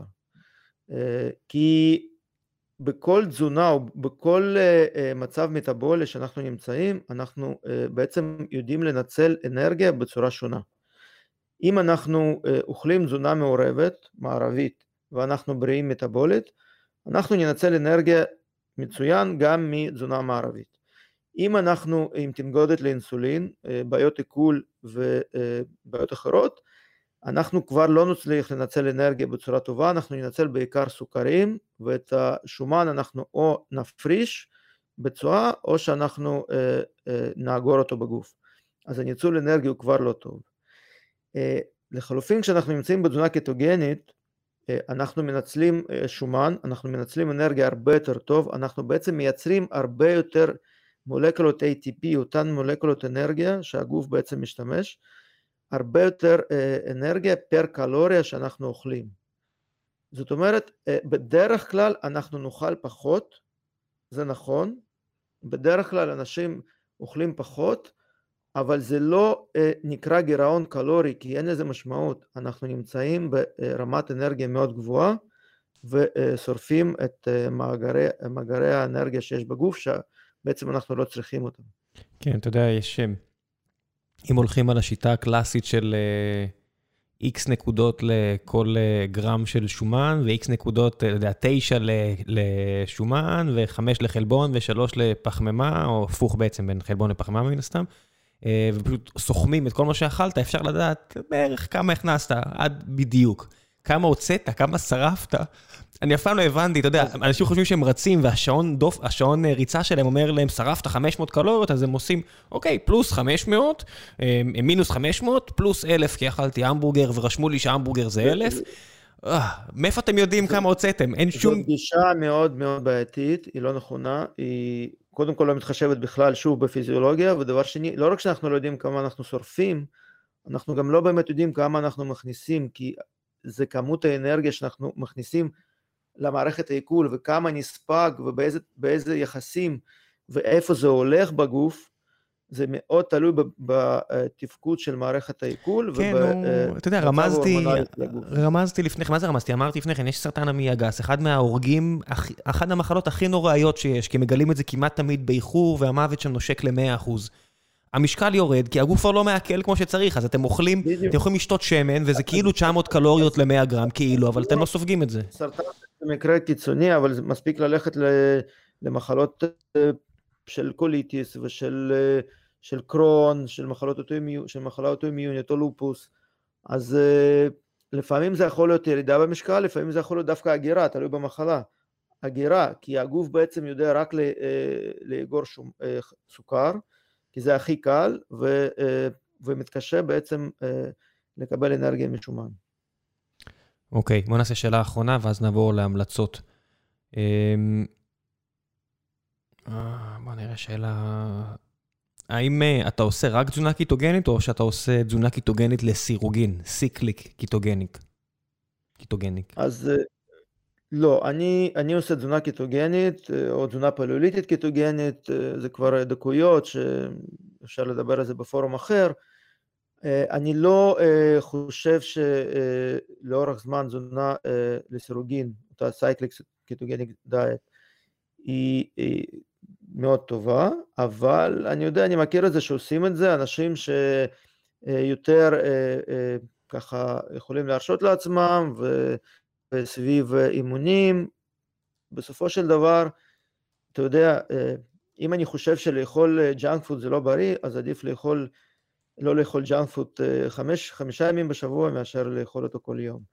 אז, אבל הרבה אנשים סובלים בשיטה הזאת, כי שוב, אם המטאבוליזם שלנו לא תקין, אז יומיים כאלה של יציאה מקיטוזיס, בעצם בדרך כלל יגרמו לכאבי, לעייפות, לכאבי ראש, לרעב, ולהגיע למשך כמה ימים עד שחוזרים.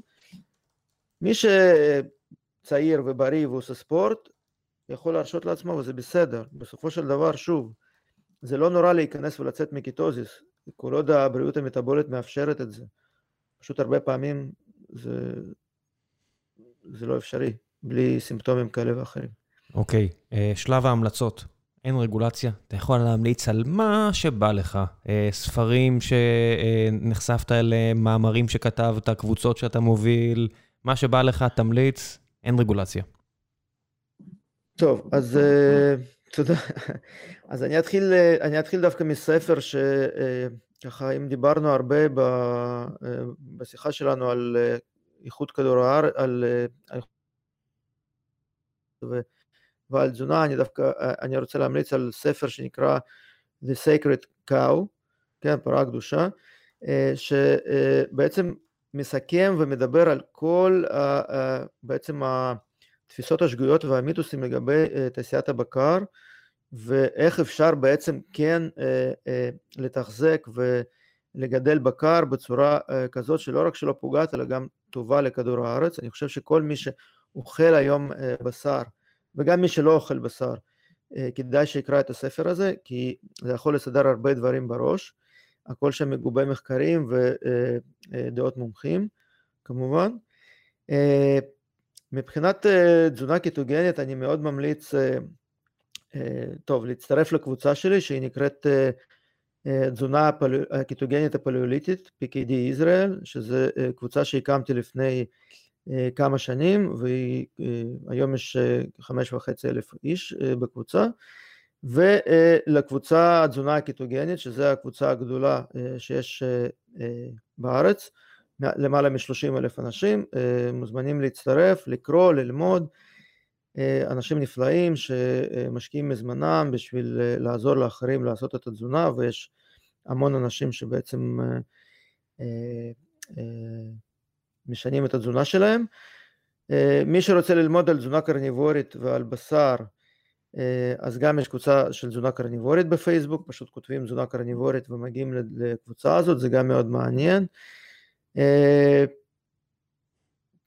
טוב, מבחינת,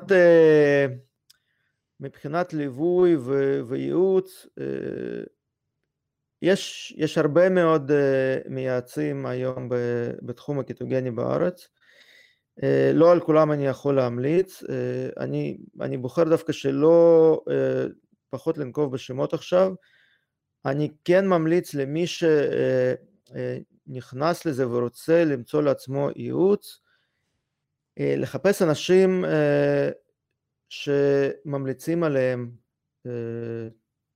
טוב בקהילה, שמכירים אותם וממליצים עליהם, ואנשים שידעו ללוות אתכם לתזונה שהיא כמה שיותר מבוססת על אוכל אמיתי ולא על תחליפים מעובדים, שזה קורה הרבה גם בעולם הקיטוגני, אז אני מאוד ממליץ בכלל לבצע את התזונה וגם ללכת לאנשים שיעזרו לכם לבצע אותה כשאתם אוכלים אוכל אמיתי, שזה הרבה יותר בריא והרבה יותר טוב לגוף בטווח הארוך, כי בסופו של דבר כל דיאטה עובדת בחודשים הראשונים, גם אם אוכלים ג'אנק פוד וגם אם אוכלים ג'אנק פוד קטוגני, אבל לאורך זמן זה יכול להזיק, ואני רואה את זה כל הזמן, כי אליי בדרך כלל פונים אנשים שכבר עברו את השלב הזה ועכשיו הם צריכים לדייק ולשפר את התזונה, אז מבחינה הזאת הייתי הולך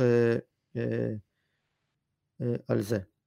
עכשיו עוד משהו קטן להמליץ על מיזם מאוד יפה, זה בעיקר לנשים, תחפשו בפייסבוק נקודת האיזון, שיטת נקודת האיזון, שאני ככה לוקח חלק בזה בנושא התזונתי, זה מיזם מדהים שפתחו, שפיתחו שתי חברות, הילה ורחלי, בעצם הוא מדבר על תזונה ותודעה, שבעצם להרבה אנשים קשה לעשות שינוי תזונתי כי יש הרבה חסמים תודעתיים, מנטליים, שבעצם מפריעים להם לעשות את זה. כמו חשק לזה, ובא לי לאכול, ואני לא יכולה בלי זה, ו...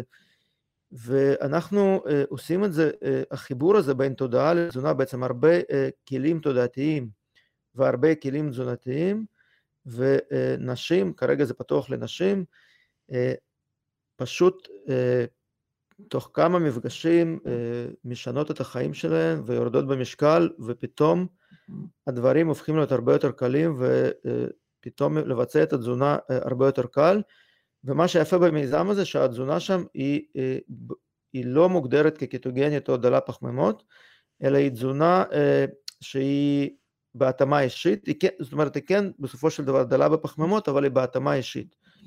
היא תוך הקשבה לגוף ולא אה, משהו שהיא כמו דיאטה שמנחיתים עליך ואתה צריך לבצע את זה. אוקיי, okay, אחלה המלצות, ואתה תשלח לי לינקים לכל דבר שאתה רוצה שאני אוסיף. Mm-hmm. אני אספר על המלצה אה, מאוד כיפית, וזה אה, נטיית עצים. יש פרויקט שנקרא יער האקלים אה, מבית יוזמת האנרגיה הטובה, והם מקבלים אה, מרשויות מקומיות, מקומיות כאלה ואחרות בארץ, שטחים מוזנחים בתוך ערים ויישובים, והופך אותם לאזורים מיוערים לטובת הסביבה ולרווחת הקהילה. כמה כיף שאתה מתעורר בבוקר ואתה רואה משהו ירוק, הם עושים אירועי נטיות בשיתוף הקהילה. אה, הרשויות עצמן אינן משלמות כדי שזה לא יהיה על חשבון אה, משלמי המיסים, זה בכל העולם הסיפור הזה. אז הם עכשיו יצאו ביוזמת קיקסטארטר, אני אשים לכם אה, לינק. זה 190 רשויות מכל הארץ כבר נרשמו כמועמדות לנטיית, לנטיות האלו. וכמו כל דבר שקשור ליוזמות כאלה, זה תלוי בכמה כסף הם יצליחו לגייס אה, מה, מהציבור. כמובן שזה מוכר לצורכי מס, מי מכם שזה מעניין אותו. אה, אז אני אשאיר לכם לינק, כנסו, תסתכלו. הרבה מהיערות בארץ, אני מניח שאתם לא יודעים, זה יערות שנטעו אותם, כי מה לעשות שבתקופת הטורקים הורידו פה את רוב, ה, רוב היערות, מסיבות כאלה ואחרות לטובת, לטובת המשאבים, והרבה מהיערות שאתם רואים כאן זה יערות ש... נטעו אותם בשבילנו כדי שיהיה לנו כיף ונוכל ללכת לקטוף פטריות, או לא יודע מה שאתם לא אוהבים לעשות ב, ביער בארץ, וצריך קצת לעשות את זה גם לדורות הבאים. אני אשאיר לכם לינק, תיכנסו, אם יש לכם אפשרות, תתרמו קצת, אם יש לכם עוד יותר זמן ואפשרות אחרי הסגר, לכו ותשתתפו באחד מהאירועים האלה, זה כיף גדול וכיף לראות אחרי זה אזור שהייתם חלק מהנטייה שלו. זהו, זו ההמלצה שלי, אני אשאיר לינק. סלאבה, תודה רבה על הזמן שהקדשת. שלח לי כל לינק שאתה רוצה, אני אשים בדף של הפרק. יש לך משהו שאתה רוצה ככה להוסיף לפני שאנחנו כן, מסיימים? רק משהו קטן לגבי המיזם המדהים ש, ש, ש, שסיפרת עכשיו, אז דרך נוספת אה, להחיות את הקרקע ובעצם אה, לגרום לצמחייה יותר טובה, זה בעצם להפוך את הקרקע לשטחי מרעה. זה משהו שככה מתקשר לשיחה, מתקשר לשיחה שלנו. זה כמובן לא מונע מאיתנו אה, בעצם לנטוע עצים, אבל, אבל זה כן סתם בתור קוריוז כזה, ש... אה, דרך אה, אה, להחיות את הקרקע זה פשוט להפוך את זה לשטחי מרעה. כן, אז, מן הסתם הדרך הכי גרועה זה פשוט לעשות חקלאות לא מבוקרת ולקחת את כל המינרלים מהקרקע לטובת האוכל שאנחנו אוכלים, ואם לא עושים זה, אם לא עושים חקלאות כמו, חקלאות כמו שצריך, אתה פשוט גומר את הקרקע והאדמה נהיית חסרת ערך. בדיוק. בדיוק. זה מה יש. אז תודה רבה, אני ממש נהניתי מהשיחה. גם אני. נגענו פה בנקודות מאוד מעניינות, שאלת שאלות כן. באמת מקווה שזה יעזור. מחשבה. מקווה שזה יעזור לאנשים אה, לעשות ניסויים אה, מעניינים. אני בסופו של דבר, אני חושב שאם מחר, אה, אתה יודע, אני לא, לא מצפה שהעולם יהפוך להיות לקטוגני קרניבורי מחר, כי אז כל התעשיית המזון והתרופות תקרוס, זה בעצם משבר עולמי מאוד גדול. אבל אם מחר אנשים יקום יצמדו יותר למז... לאוכל אמיתי ופחות למזון מעובד ופחות לאריזות, יותר לאוכל ופחות לסוכר ויותר ל... למזון אה, שהוא טבעי יותר, פשוט אה, העולם יהיה הרבה יותר אה, טוב ובריא וגם שוב בעיניי זה גם מתקשר מאוד לנושא של קורונה שזה קשה, זה כן בסופו של דבר אם אנחנו מדברים לא בתור פרט, אלא באוכלוסייה, זה יכול לעזור להפחית אה, סיכון וסיבוכים. יופי. תודה רבה, סלאבה. ביי ביי.